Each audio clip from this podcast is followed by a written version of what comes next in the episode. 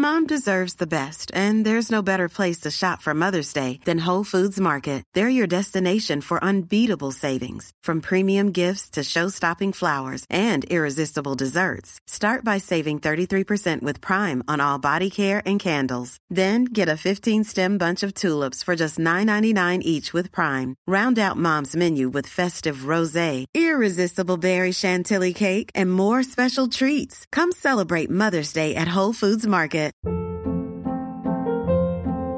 Hold up. What was that? Boring. No flavor. That was as bad as those leftovers you ate all week. Kiki Palmer here, and it's time to say hello to something fresh and guilt-free. Hello Fresh. Jazz up dinner with pecan-crusted chicken or garlic butter shrimp scampi. Now that's music to my mouth. Hello Fresh. Let's get this dinner party started. Discover all the delicious possibilities at hellofresh.com.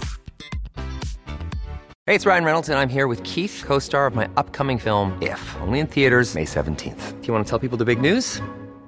All right, I'll do it. Sign up now and you'll get unlimited for $15 a month in six months of Paramount Plus Essential Plan on us. Mintmobile.com slash switch. Upfront payment of $45 equivalent to $15 per month. Unlimited over 40 gigabytes per month. Face lower speeds. Videos at 480p. Active Mint customers by 531.24 get six months of Paramount Plus Essential Plan. Auto renews after six months. Offer ends May 31st, 2024. Separate Paramount Plus registration required. Terms and conditions apply if rated PG.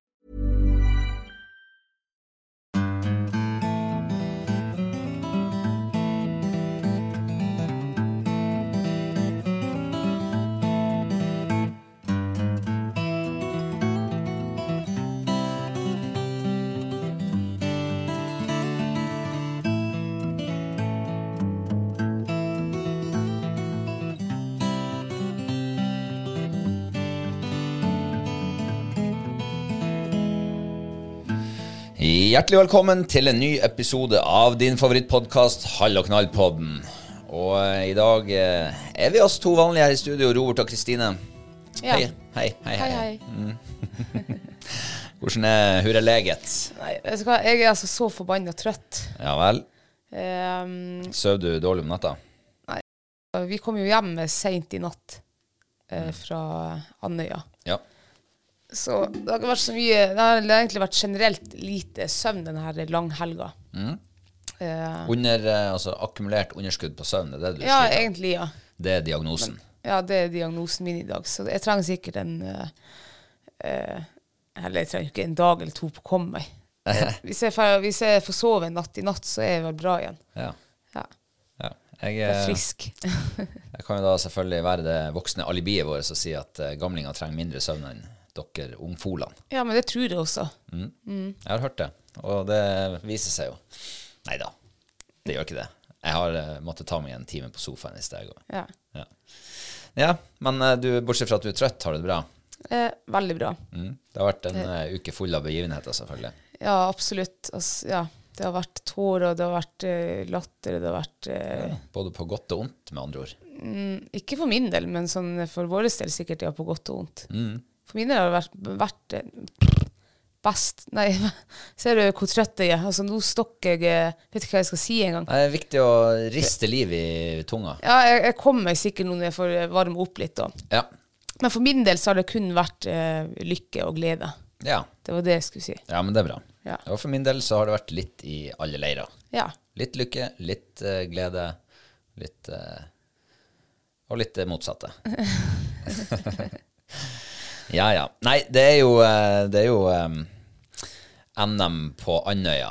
NM vinter for fuglehunder. Ja. Som har vært uh, attraksjon denne uka. I hvert fall for uh, de fleste som driver med fuglehund og konkurrerer. Ja, absolutt. Og det, det var så deilig å komme ut på den øya igjen. Det er syv år siden sist jeg var der. Mm. Uh, Og så har vi snakka om, om NM til deg i, i syv år. Ja. Og endelig fikk du også lov å oppleve Mm. Rypeøya. Eller var det noe Rypeøya? Det Derom kan vi vel være Vi kan vel diskutere det. Ja. Eh, jeg vil nå si at eh, de forventningene du hadde skrudd opp i syv år, de eh, fikk seg en liten knekk. Og, Ja, det må jeg si. Jeg trodde det skulle tyte mer fugl ut fra krattene der. ja, men nå hadde det vært et uh, sinnssykt vær de- denne uka. Ja, det er sant. Ja. Så Det, I går var jo fantastisk. jeg tror rypen muligens var blåst over til Bjarskøya eller til uh, Hinnøya. Hinnøya. Ja, sikkert. til-. Til fastlandet. Senja. Senja ser du jo rett i øst av Andøya. Ja. Det, jeg må si at uh, Andøya er en uh, det, det føles som du er veldig på ytre strøk der.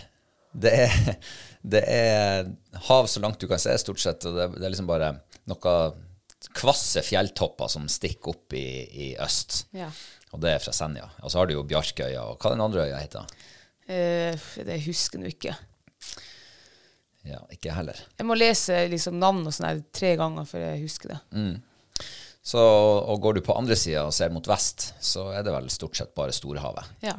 Og det merkes godt når det blir litt uh, vær og vind. ja, det skal mye til liksom for du, for du biter merke i det, nei. Nei, det er, ikke det, det er ikke så mye som bremser været på tur inn mot Andøya. Det er det ikke. Men uh, jeg har vært på Andøya en gang før, og det var egentlig bare en sånn, sånn forbifart. da. Så det var litt uh, stas å komme dit og liksom oppleve litt mer av øya. Det er jo veldig fint der også. Ja, jeg synes det er veldig fint og flott. Og jeg, altså, jeg har aldri vært sånn her eh, havperson, men gud, det er fint der. Liksom, du har utsikten utover havet, og det lyset det blir, og de der småskjærene uti, uti der noen plass som lager bølger og sus og dus. Og. Måseskrik og Ja, faktisk. Jeg, jeg, har, jeg har jo hata måse før. Og når vi kommer dit da vi skal ligge, og så ser du bare en million måser som driver med sånn her eh, virvel orkan nesten liksom over fiskegjellene fiskegjeldene der, eller hva det heter. Uff, da gruer jeg meg altså til å gå og legge meg. Ja. Men jeg har ikke hørt ei eneste måseskrik. Nei. Så det var trivelig. Ja, men eh, det, det er sånn der man blir fort vant til det. Det er som, å, det er som jeg bruker å si, at uh, når du ligger med en foss akkurat langt nok unna, så blir det sånn her søvndyssende effekt. Ja, det, det er jeg ikke enig i. Men altså, jeg hørte ikke måsen.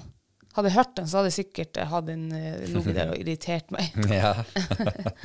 Men det var jo et helvete å komme oss dit ut, da. For vi hadde jo meldt oss på Hurtigruta. Meldt oss på Hurtigruta, Ja, faktisk. Ja, det var ikke gratis å melde seg på Hurtigruta. Kjøpt og betalt Hurtigruta. Og det var, jo det, det var jo en av de tingene som jeg hadde gleda meg veldig til. Ja. Å reise med Hurtigruta.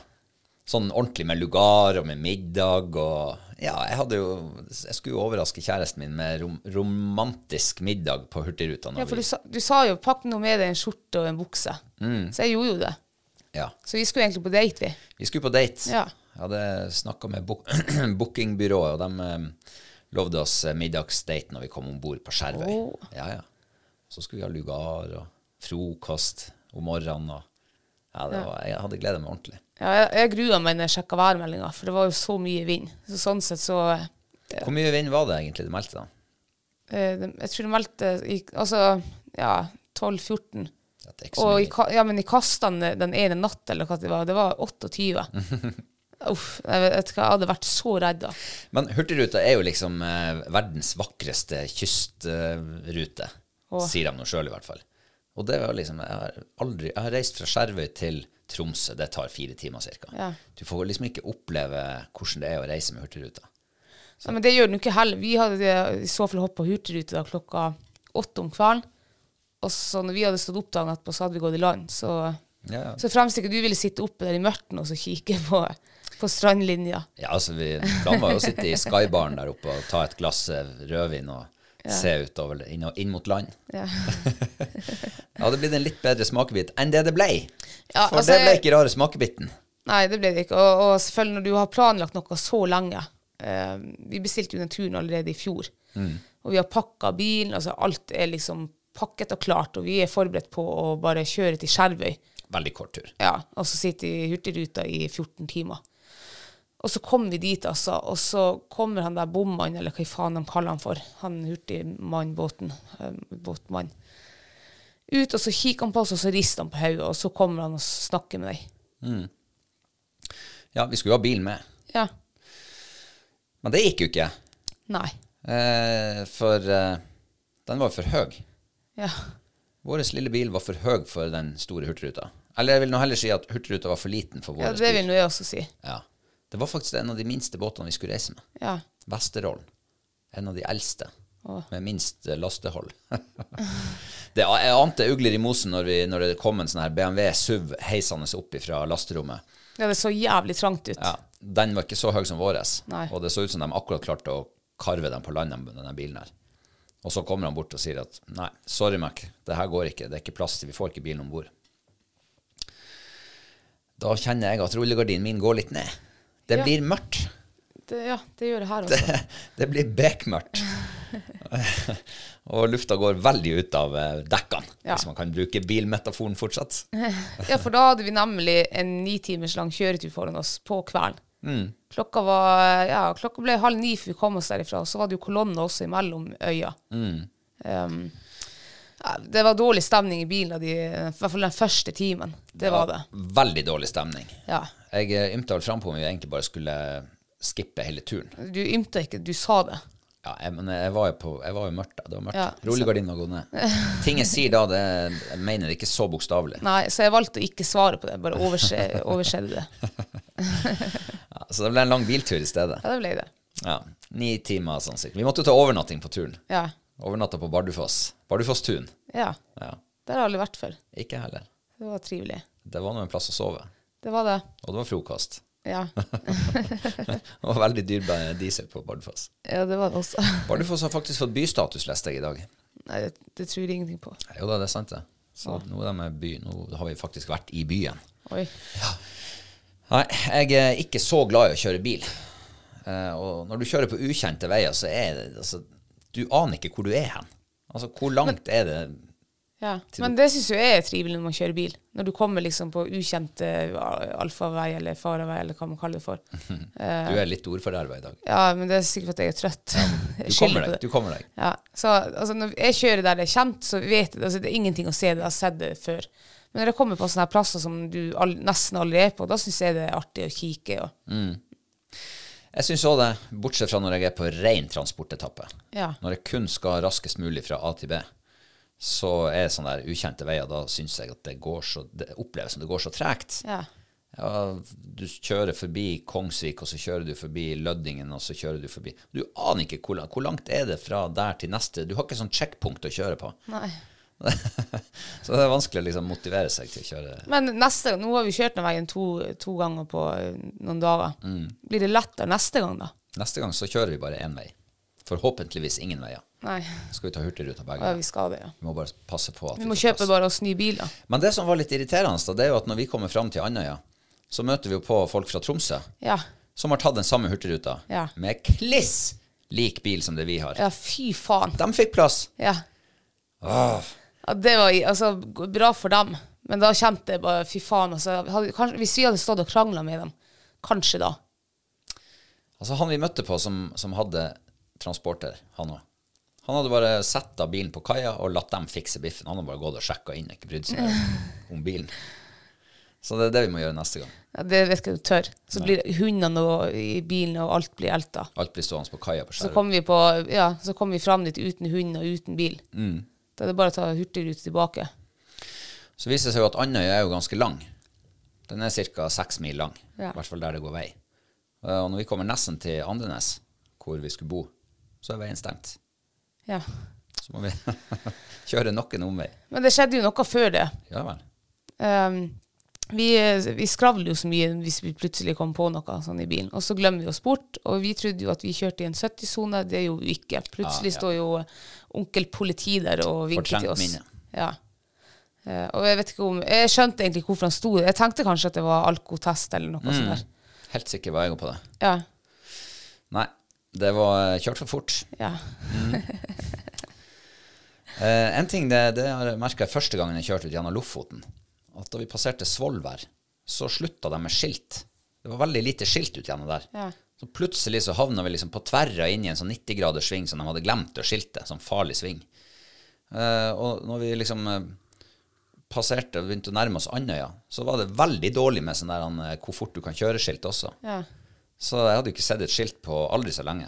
Men jeg var helt sikker på det var 70. Det var 60, gitt.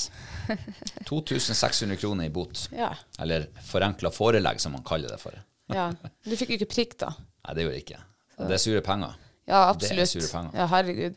Altså, den helga her, den har jeg vet ikke, altså, Jeg vil ikke regne på hvor mye vi har betalt både for altså, bompenger, liksom. Ikke bompenger, men bom. Bomtur. Bom, altså, bom, bomkjøp, liksom. bomkjøppenger, ja.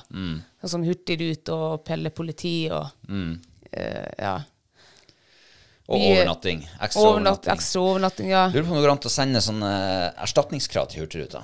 De Ja. visste jo hvilken bil vi hadde. Vi sender regninga til dem. Ja, det kan vi gjøre. Vi ble tvungen også til å spise mye sånn her uh, dårlig hamburger. Fy faen, altså. Jeg holdt på å spy på Når var det? Torsdagen, ja.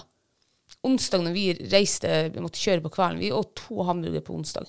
Sånn bilhamburger, nei, veihamburger. Mm. Ja, uh, uff. Det blir sånn når man er på reisefot. Ja, vi har sagt det. det før, vi kan godt si det igjen. Vi trenger ikke å gjenta oss sjøl. Nei. Nei, veien stengt på Andøya. Ja. Måtte kjøre rundt. Og det kom én bra ting ut av det, sånn for min del. Ja. Det var at jeg fikk sett på Blake. Ja, for der er det veldig fint. Ja, det, jeg hadde litt sånn forventninger til det. Så Mm. når, vi, når vi nå ansatte Oi, vi må kjøre forbi Bleik. Der har vi jo sett TV-program ifra. Og det var sommerstid, riktignok. da. Jeg har jo vært på Bleik før. Jeg har bodd på Bleik. Ja, ja. Men jeg har jo som sagt aldri vært på Andøya. En gang. Bare på veien. Eh, så det var litt artig. Og så oppdaga jeg jo at Bleik er jo veldig nært Andenes. Mm. Og Andenes det er akkurat som en sånn liten sånn kystby som klamrer seg fast helt nord på øya. så det er en litt stilig plass, egentlig. Eh, vi har forresten bodd i bobil siden torsdag. Ja. Hva du syns du om bobilkonseptet? Vet du hva, jeg syns faktisk det var eh, veldig trivelig. Mm. Ehm, jeg har vært nysgjerrig før liksom, på bobil eller campingvogn, om, om vi kunne kanskje ha bruk for det. Og jeg, jeg, jeg, jeg tror at hvis jeg eh, en gang blir millionær eller noe, så kjøper jeg bobil. Mm. For det var, Og en sånn, en, kanskje en liten bobil. For da kan du jo fære og surfe rundt med den. Og, Ja, det her var jo sånn bybobil. Mm. Og eh, han, han som eh, var så snill å låne den ut til oss, han er jo fisker, laksefisker sjøl. Mm. Ja. Og han hadde jo en sånn vanlig bobil før. Og så, når du skal ned på kronglete grusvei og ned til en elv her eller der, så blir den plutselig litt for stor. Så han hadde bytta den ut med en sånn bybobil. Mm. ja, det er jo helt Malibu ypperlig. heter den. Ja. Den der tror jeg er ganske snop, altså. Ja, var veldig, veldig snop, faktisk. Men tenk hvor gjestfrie folk altså, De bare skriver melding at jeg har en bobil, og vi har fiskebruk, og dere kan bruke kjøkken, stue, dusj. Herre jesu, for noe trivelige og snille folk som bor eh, her i landet. Ja, det finnes trivelige folk og gjestfrie folk enda. Ja. Det er ikke bare vi som har slutta å være det. Nei. Det, det er noen som ikke har slutta. Det er noen som ikke har slutta med det ennå. ja, men det var, det var storstas, og jeg trivdes godt der ute på. Og det var jo det rike fuglelivet. Jeg har sett ja, og sel. Jeg så sel hver jævla morgen vi våkna der og åt frokosten. Det var kjempetrivelig. Og det må være en av Norges tetteste havørnbestander der ute. Ja, det også. Det var mye havørn å se. Ja, masse. Og masse hare. Masse harespor. Over hele øya, så det ut som. Ja. Og litt rypespor her og der òg. Ja. Eh, vi fikk vel høre at det til og med var rev der ute. Ja, det er visst annet. Vi snakka jo om det når vi kjørte. Jeg har ikke sett et eneste revespor. Men Nei, det var visst bra mye sånn, for ikke så veldig lenge siden. Men de har vært flinke å skyte ut. Og så har jeg også fått høre at eh, det er bra med røyevann der ute.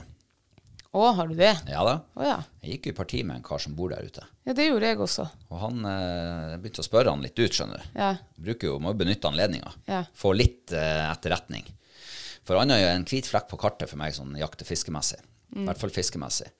Og jo da, han sa det var brukbare røyevann. Ganske bra røyevann. Å. Men noe mer enn det sa han ikke. Jeg begynte å klype han i nakkeskinnet til slutt, og, men nei, han var tett som, en, tett som et seil, eller hva det heter. Tett som en sil. tett som en sil. Nei, han sa ingenting. Ja, men fikk du inntrykk at det var storfisk der, liksom? Ja, det kunne være ikke sånn Ja, ikke av alle, ikke norgesrekord, liksom. Men, men altså, det, det var ikke sånn, nei, det var ikke bare sånn tusenbrødrevann, nei. Nei, det var ordentlig fisk. Ja, kilosfisk, liksom. Ja, mer enn det òg. Ja, ok. Ja, ja. Ja. Men jeg har nå ikke tenkt å kjøre til Andøya for å finne ut av hvor de vannene ligger. For det er jævlig langt. Ja, det er langt. Hvis du kan ta Hurtigruta. Uff, jeg er jo ikke så glad i båter. Nei. Nei, men eh, altså, det er jo litt vanskelig selvfølgelig å finne seg overnatting når det er det er bra mange hundre mennesker som er der ute når det er et så stort arrangement som Ja, altså er jo vi, vi er jo veldig ofte i siste liten. Ja, det er det vi er. Ja, vi er det veldig det må vi slutte med. Ja, vi er dårlige på langtidsplanlegging. Ja. Vi bestemte oss jo ganske seint for å reise på NM. Ja. Så da blir det jo sånn. De, alle de andre er jo mye bedre enn oss å planlegge. Ja. Men, ja. Men det, hvis jeg eh, ikke husker helt feil, begynner jeg å spørre om NM sånn eh, ja, rett etter romjul. Mm. Og så er det sånn at vi må vente litt med det. Og, Jeg må vente. ja, du må vente. Jeg så må jeg er ikke så dårlig. Jeg liker godt å langtidsplanlegge, men eh, vi gjør ikke det. Nei, vi gjør ikke det. Men uh, man er ikke sterkere enn det svakeste ledd. Nei, det er sant, det. Og når det kommer til langtidsplanlegging, så er jeg det svakeste leddet. Ja, så kanskje vi må skjerpe oss til neste Det år. må vi gjøre. Ja. Ja. Men vi kom oss nå fram, ja. og vi lå i en trivelig bobil Ned på kaia, nede på kaia. attmed fiskebruket. Ja. Og det er egentlig ganske sentrumsnært. ja, det var jo det. Ja. Så det, alt føles langt unna når det blåser gammel-Erik og fyk og snøvær og alt sånt. Så da blir det litt sånn Man, gidder ikke å gå så langt Nei. når man skal noe. Takk Gud for at de hadde taxi der ute. Ja, tenk at de har det der ute. Stilig. stilig. Men hvilke forventninger hadde du da? Til, det var jo NM vi skulle starte på, Mm. på fredagen. Ja. Um, nei, jeg hadde jo um, Jeg vet egentlig ikke om jeg hadde så veldig høye forventninger, eller sånne spesielle forventninger, annet enn at jeg håpa at um, Egon Reborn skulle i hvert fall levere en god prestasjon. Eh, og det hadde jeg jo litt forventninger til. Mm. men selvfølgelig med forrige helg eh, relativt friskt i minnet, så ante jeg jo ikke helt hva som skulle, hvordan det skulle bli. Eh, Så forventningene mine var vel mer på det prestasjonen som vi skulle prøve å få til, og ikke minst bare det å få være der og oppleve NM. For det er jo Det er jo Norges største prøve. Det, det tror jeg faktisk det er. ja. Jeg vet ikke om NM med Kongsvoll er større enn Høst. Ja, Ja, det er er mulig den er større. Ja, men ikke sant, det, det er jo en av de to store. Ja. Uh, og, og det er klart at du Jeg kom jo dit med ingen kjennskap til hvordan det er å være på et så stort arrangement. Det, det er jo nesten litt sånn der eh, Det er jo bare hundefolk som møtes Ja. fra hele landet. Og, og da går det jo mye hundeprat og treningsprat og ja, så det, det blir liksom fagprat, da, på en måte. Ja. Eller ikke fagprat akkurat, men Nei. um, det er vel kanskje det som var forventningene mine. Ja. Eh, Altså ikke så veldig konkrete forventninger, da. Enn du sjøl, da? Nei, altså, jeg, jeg skulle jo stille med en gammel hund, jeg, så Ja. jeg hadde jo ikke høye forventninger. Jeg tenkte så lenge hun fight eh, så lenge hun fight gjør sitt beste, og, og jeg vet jo hvor god hun er, så ja, så må jeg bare være fornøyd. Jeg kan ikke kreve noe annet ifra henne, liksom. Så, eh, Mm. Ja, for men du jeg har, du har jo vært der ute mange før, så du vet jo hva som møter deg av, av arrangementet. Og, Ja, ja. Jeg har vært der eh, Ja, jeg tror jeg har vært der på fem I hvert fall fem ganger, hvis ikke seks. eh, og så var det litt artig, eh, i og med at vi sjøl arrangerte, arrangerte jaktprøve forrige helg, Ja. så var det litt artig å, å se hvordan de løser Norges største jaktprøve. Dæven, det må være litt av en jobb. Det må være litt av Jeg en så sist gang eh, natt til lørdag de oppdaterte partilisten. Da var klokka 02.57, tror jeg det var. Ja. Herregud, stakkars folk. ja, det er sånn det er å jobbe i frivilligheten. Ja. Men det må jo være stas for dem også å se at eh, folk trives og har det Ja, bra, ja. og at eh, arrangementet fungerer. Og for oss som deltakere så virka det som det gikk eh, smertefritt. ja. Altså, det var veldig, veldig, veldig bra arrangement, var det. Mm. Det var gode dommere og, og trivelige deltakere og, og prøvekomiteer. Mm. Så veldig fornøyd. Det virka å være en ganske stor stab der. Mye folk som var i sving Mm. Ja. i, i komiteen. Eh, Det må det sikkert også være. Ja. Og, nei, så det der var veldig stas. Mm. Eh, men eh, vi hadde jo meldt oss på NM. Ja. Ja. eh, Det gikk jo ikke så bra. Nei. Nei. Vi, eh, vi fikk nå være med hele dagen ut på fredagen. Reborn var jo jævlig uheldig. Altså, han Reborn gikk sykt godt på fredag. Han Altså, ja, han gikk så godt, jo, og så får han seg en uh, sjanse på fugl. Og det var jo ikke rype nesten å se den dagen. Så det er jo klart, da ligger det jo nederst på lista. Ja, det er det som er. Ja. Eh, dommerne sa jo at de likte han jo kjempegodt. Det var Ja. ordentlig trøkk i den hunden. Og han var egentlig eh, tilbake til sitt eh, gamle jeg. Ja, ja. Sånn- Han, er sånn som han er og skal være. Ja, ja, ikke sant. Så, så det var jo Og så er det ja, Det er jo så synd, ikke sant. Ja. Det, når det er lite fugl i terrenget, så får du én minus, og så er du egentlig ferdig. Ja, det er det kjedeligste jeg vet om. I hvert fall på sånne her eh, tredagersprøver, eh, der, de, altså, der du vet at det er bare seks som blir med videre. Da er den kjip, altså. Hvis det hadde vært ti med videre, så kan, kunne du ha berges liksom, med en sjanse på fugl eller slått eller noe sånt. Men med seks så skal det faen meg godt gjøres, altså. Ja. I hvert fall når det er lite fugl. Ja. Ja. og, og mange gode hunder. Ja. ja da, det er jo det. Og man Jeg må bare si før vi, før vi går videre nå, at Troms fylke har ekstremt mange gode hunder. Ja. Det, Det er jo, rått. Ja, det var jo NM-lag for altså, de forskjellige rasene på torsdag. Ja. Pointerlaget som vant, var fra Troms. Ja. Samtlige hunder var fra Troms. Ja. Det er sterkt. Ja, det er altså så sterkt og rått som det kan bli. Og det var flere, flere gode hunder fra Troms som, som Ja. merka seg. Og to av de hundene på pointerlaget ble eh, nummer to og nummer fire på, på, eh, på NM. Mm. Ja, det er helt sinnssykt, det. da. Det er jævlig mange gode, gode hunder, men ikke, altså, ikke minst gode hundeførere og hundefolk her i Troms. Mm. Så det er artig. Og samtidig så må jo bare si at det, det er litt stas å treffe folk fra andre land, landsdeler også. Ja. Du går på parti, Når vi går her oppe på jaktprøver, så treffer man jo de samme folkene. Du går på parti med de samme folkene Mm. eh, bestandig, stort sett. Men eh, nå gikk du på, på parti med folk fra store deler av landet. Hunder man aldri har sett før, folk aldri har sett før. Mm. Og det syns jeg var artig. Ja, veldig artig. Ja, Man får sett litt flere hunder enn det man Mm. gjør til vanlig. Nei, så Reborn, eh, jeg og Reborn vi kom jo ikke med til semifinalen. Nei, dere ble rangert som nummer 11. Ja. Og Fighto ble rangert som nummer 10. ja. Det var, jeg syns hun jobba veldig godt. Jeg. Eh, Det var veldig tungt føre på, eh, på fredagen. fredagen. Og jeg, jeg føler egentlig at jeg og Fight vi fikk, vi fikk liksom ikke visst oss eh, fram nok på det beste. For begge slippene til Fight det var i sånn her tjukkskog. Ja. Um, og hun gjorde jo, altså hun jobba kjempebra i, i tjukkskog, men sånn, når, når de andre hundene får lov å gå i åpent terreng der de kan slå seg mye lenger ut og sånn, så er jo det, altså det er jo mer fantastisk å se på. Så du får liksom ikke sett ordentlig. Men jeg er fornøyd med hun revierte tjukkskogene, og, og ja, hun gjorde egentlig alt det hun kunne gjøre. Eh, Så, så det du sier var at det var ikke så nederlaget var ikke så stort? Nei, nei, nei, jeg ble ikke skuffa i det hele tatt. Jeg bare tenkte shit, altså, vi er bedre lykke neste gang, kanskje. Jeg tror ikke det blir en neste gang hun fighter. men hvem som vet, hun imponerer jo og overrasker meg hele tida. men, eh, men jeg ble overhodet ikke skuffa. Det tror jeg er første gang jeg har det. ja, i hvert fall på NM, NM da, at jeg har blitt hevet ut og ikke vært skuffa. Eller liksom sånn. Jeg tenker, Hun gjorde sitt beste. Jeg kan ikke kreve noe mer om henne. Nei, det kan du ikke. Nei, Litt uflaks med, med terrenget vi, vi fikk, liksom. Ja, ikke sant. Ja. Der han Reborn fikk gå i åpent fjellvidde landskap, Ja. eh, spredd vegetasjon her og der, Mm. så fikk dere gå i, i liksom skogbelte, tett skogbelte. Mm. Det eneste som er verre på Andøya, det er jo de der plantefeltene. Hadde dere gått der, så, så hadde vel det vært verre. Og så var- satser jeg jo på, på siste slippet. Eh, at vi må finne fugl. Jeg, jeg driter i søket. Så jeg heiv jo fight opp i tjukkskogen der og så opp i sida der. Og så hørte jeg en rype som kakla, og det hørte jo dommeren også. Og fight hun hørte nok sikkert den også, for hun var begynt å skulle klatre til fjells. Men da fikk jeg beskjed om å rope henne ned, for det kunne liksom være skredfare og sånn og- Så jeg ropte henne ned derifra.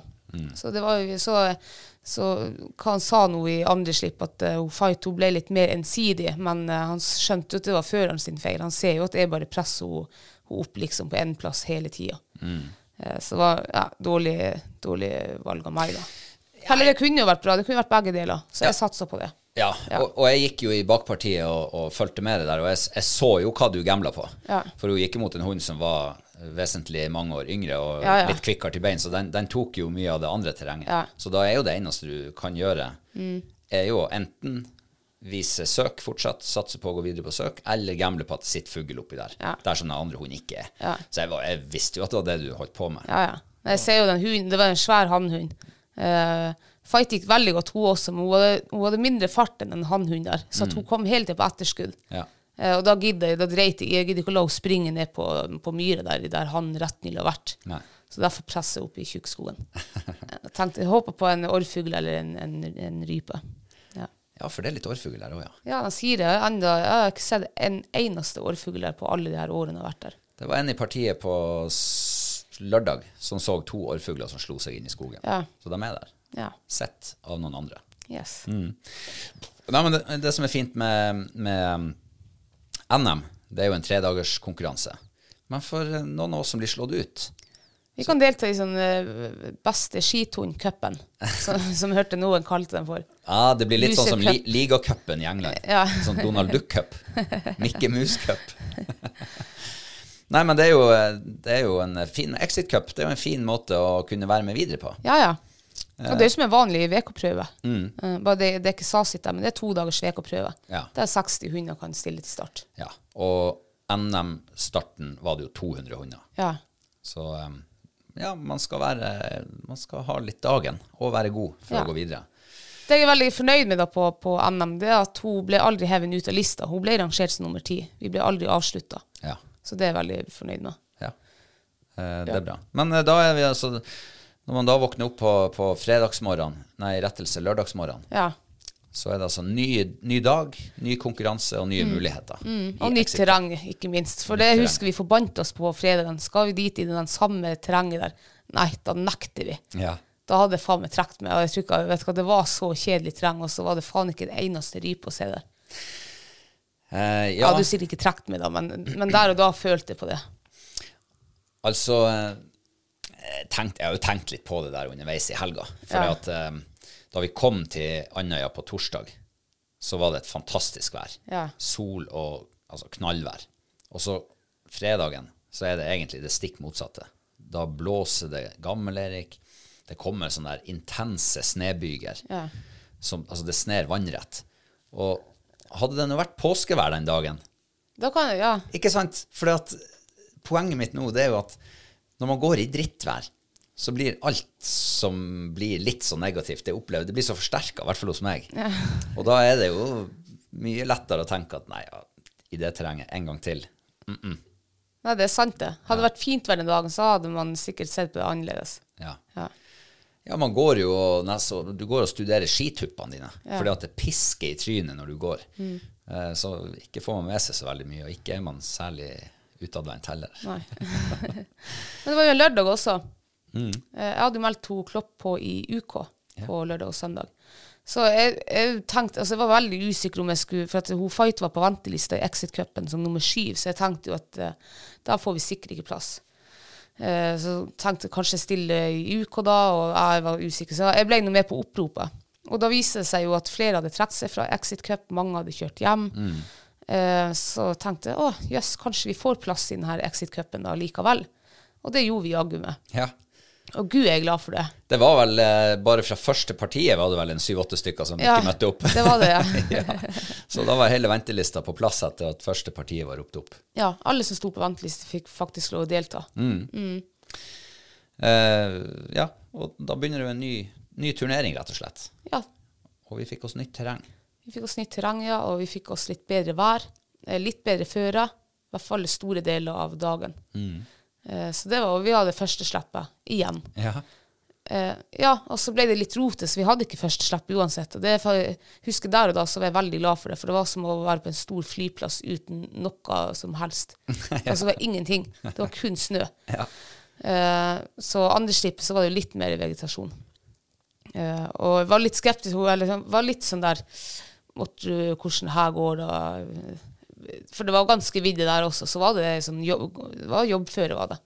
Men hun Fight hun grusa jo gjennom hele treninga. Altså, hun var så god søker. Var hun.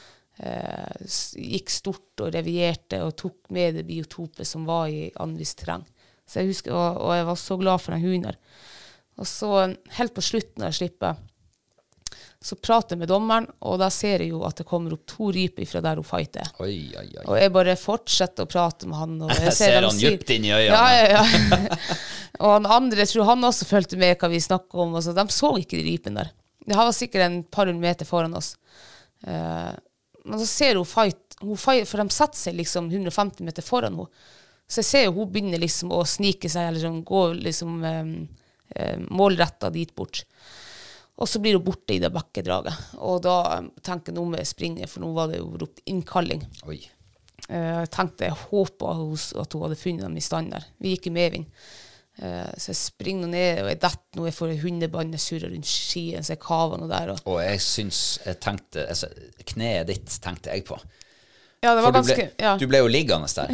Jeg tenkte da, jeg trodde det var derfor jeg ja, ja, ja. Du ble liggende der så lenge at jeg tenkte at herregud, nå har hun slått opp det der kneet igjen, og nå ligger hun der og ynker seg. Og hvis ikke hun nå kommer seg på beina snart, så må jeg renne ned dit og se, hvordan, og se om du trenger hjelp. Ja, nei, okay. jeg var så bekymra for det Nei, kneet ditt. det? Ja, ja, jeg tenkte at nå ryker resten av dagen, for nå har du slått opp den der skaden. Ja, for jeg, ble liggende faktisk ganske lenge sånn. Jeg kunne bare reise meg rett opp igjen. Men hundebåndet som hadde lagt i sånn her løkke på sekken min, den for i skien. For jeg er jo ikke så høy ei uke. Så når jeg går i nedoverbakke, så, så skyter litt meg framover, så kommer det hundebåndet på skituppen.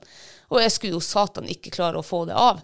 Så jeg måtte av med sekken og alt det her for å få det jævla hundebåndet av. Og jeg røyser meg, og da har jeg har ikke fått med meg noe, så jeg skir jo bare liksom ned der som jeg så henne fight sist. Jeg, plutselig så ser hun langt til venstre for meg, så da hadde hun liksom Og da tenkte jeg kan hende rypen har gått derifra, jeg vet ikke, jeg så ingenting. Men da hadde noe innkalling.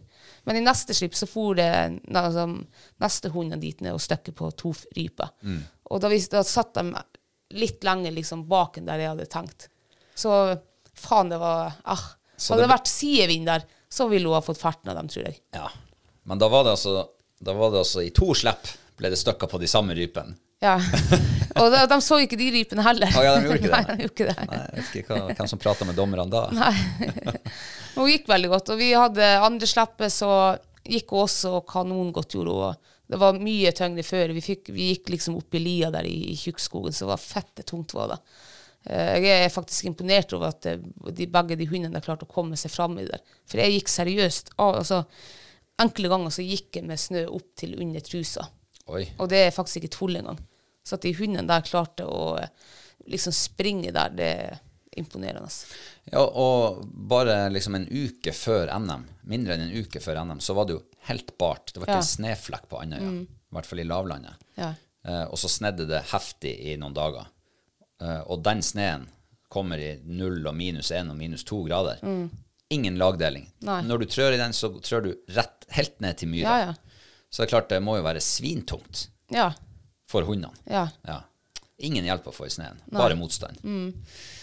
Så, men det er klart, det, sånne forhold de skiller jo ofte klinten fra hveten og kremen fra fløten. Ja. Eh, da skal du ha litt trøkk, og du skal ha litt jaktlyst og, og litt vilje. Og det var, så, det var jo flere hunder som meldte seg litt av også på, på det tunge føret.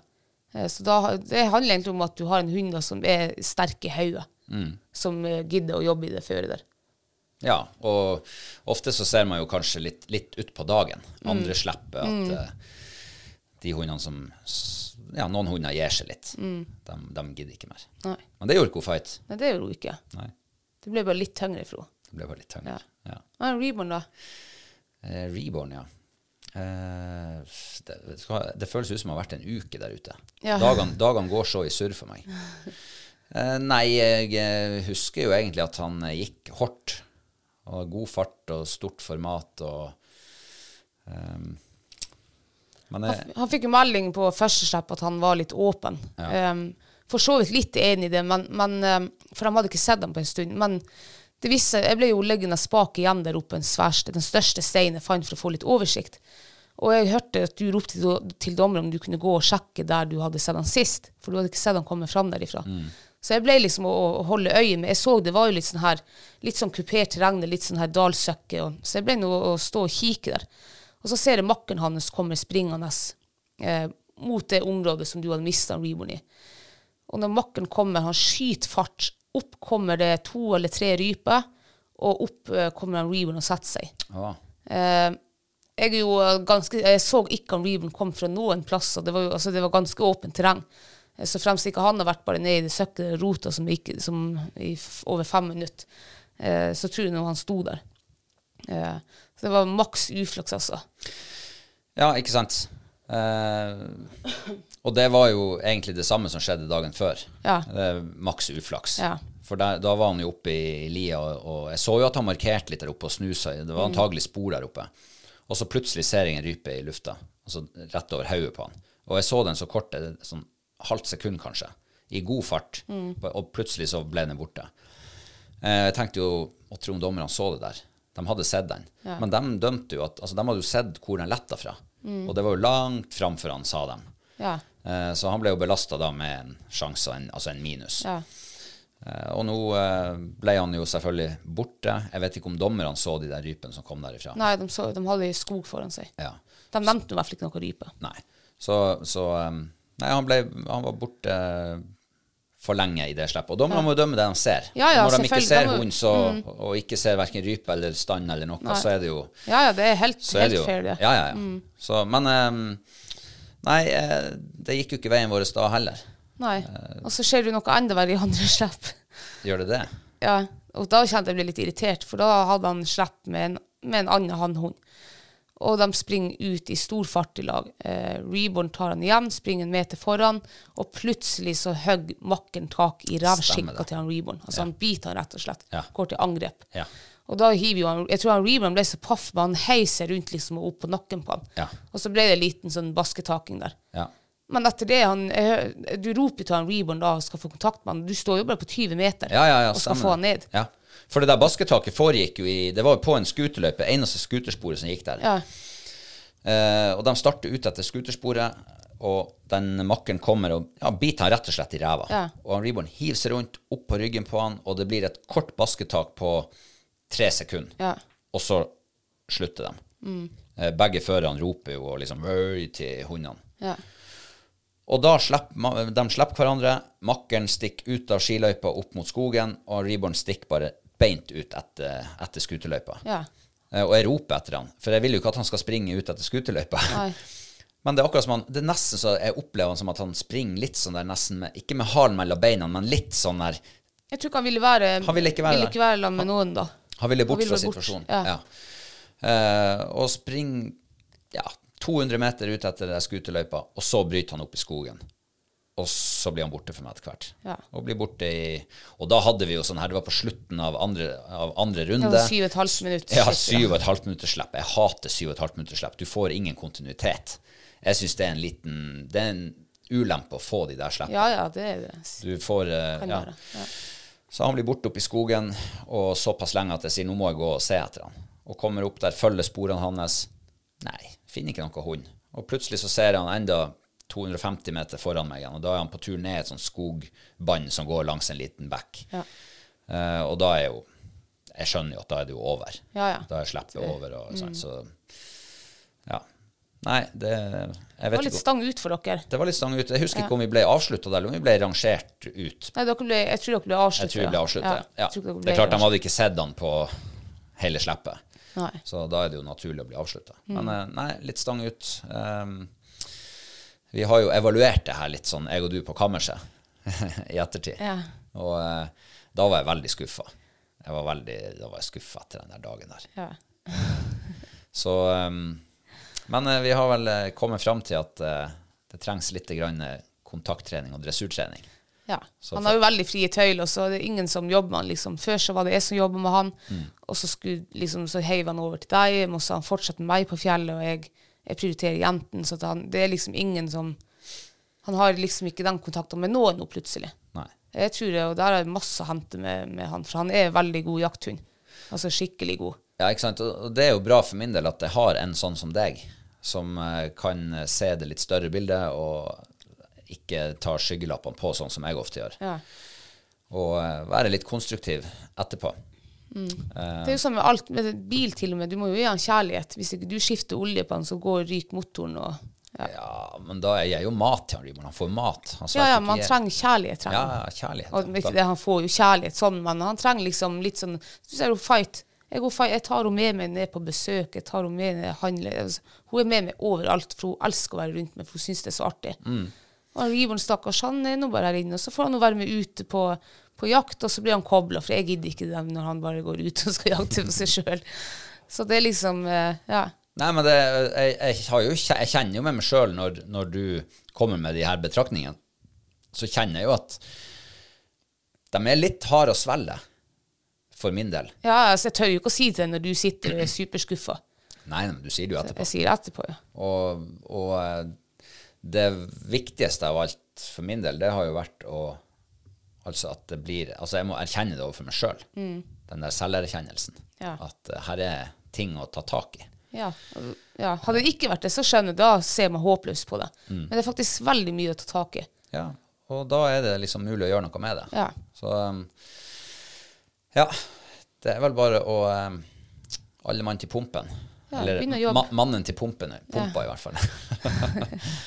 Så nei, men det var i hvert fall eh, Reborn sin siste dag på NM for denne gangen. Ja. Men jeg ser jo at han har noe der å gjøre. Mm. det er jo ikke mange hunder som tar han igjen. Det er ikke mange hunder som jobber like hardt som han. Sånn, så, Nei, så, så vi, litt eh, bedre kontakt mellom dere to, så, eh, ja, så er han veldig sterk. Mm. Og de tilbakemeldingene som kommer fra dommerne, det er jo gjerne at han, eh, han kan bli litt ensidig i noen slipp, eller at han kan gå litt åpent. Men de liker jo veldig godt uh, trøkken i han, og de ser jo at det er mye potensial i hunden. Og det er jo sånn, ikke sant Jeg ser jo det når vi er ute, men det er ikke like lett å styre han bestandig av det vi nylig har sn- har snakket om. ikke sant? Så um, jeg tror det går an til å fikse. Jeg tror det går an til å Ja, det er jo, altså, før vi skifta føre, så var han kanongod. Det var aldri et problem. Han, eh, det var aldri noe sånn tull på han. Så jeg, jeg, jeg tror det er det. Han må jobbes med Ja, ta med, ta med på egen tur og, og, og jobbes med. Neste år så skal vi til finalen igjen. Mm. Bra. Da møter du Ego Fighter. Ja, det hadde vært kult. Hun Fighter ble jo rangert som nummer to. Eh, best uten ball, som vi kaller det for. Så det var veldig, I, ja. veldig artig, syns jeg det var. For det var mange gode hunder der som holdt koken, og som, eh, som det var sprut i. Og så blir hun gammelkjerringa rangert som nummer to. På, så det var ja, ikke det litt rått? Ja, det er rått.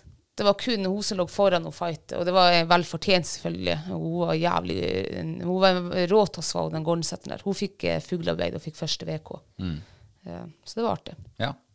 Og da er det jo, eh, da er det jo finale, Exit Cup-finale etterpå. Det er Exit Cup-finale, ja. Og det var på søndag. ja. Um, Dæven, jeg var nervøs. Mhm. Ja, for jeg skulle jo liksom være med deg ute i marka, men så å være tilskuer. Ja, heldigvis valgte du å gå på i UK. Det er jeg så glad for. Ja. Ja. Men det kan vi jo komme tilbake til etterpå. Ja. ja, vi for ut på søndagen. Eh, jeg skulle kjøre bil for første gang etter denne kneskaden. Satan, jeg sleit, altså. Det var tungt, det der bilkjøringa. Det var tungt, ja. Vet du hva? Det kjennes ut som at kneet skulle gå sønder og sunder, og at stingene skulle gå opp. Og det, var, det var, gjorde så vondt at du aner det ikke. Så jeg sleit virkelig med å, å kjøre den turen her. Og det var, kneet var jo stivt, altså, jo våk altså, det var på morgenen og alt sånt her.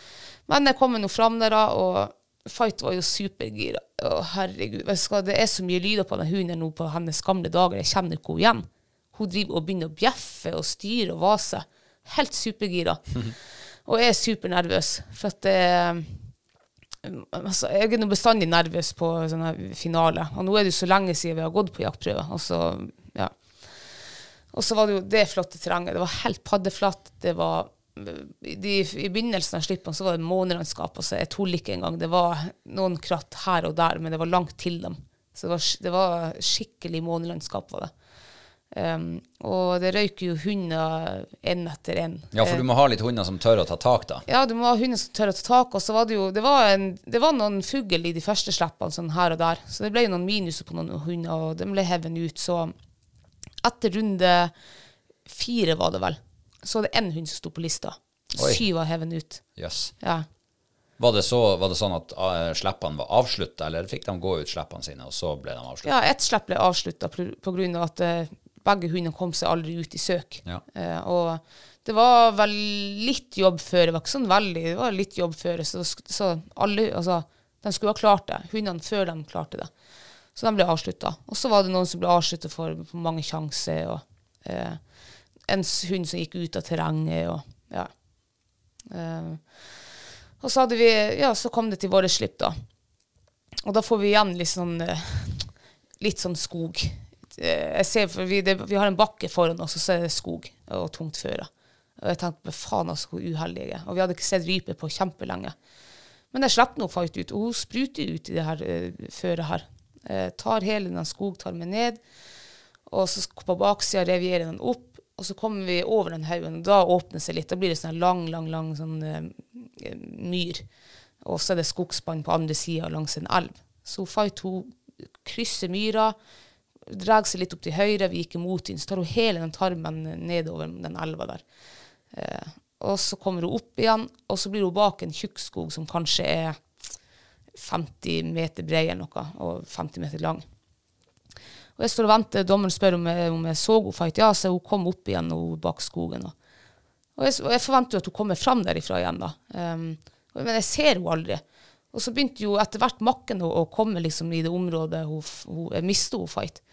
Jeg tenkte jeg må springe, så jeg sprang nå bortover dit, og jeg kikker, jeg ser jo faen ikke. Og så ser jeg sporene hennes, går beint ned mot den elva. Og så hever hun liksom blikket dit, og da ser jeg at da står hun jo på andre sida av elva. Ja.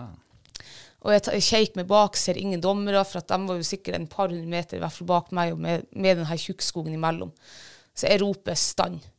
Og der letter det jo en fugl fra stand to fight. I det du roper stand? I det jeg roper stand. Så jeg, min Ah. stemme, min roping, gjorde sånn at rypa letta.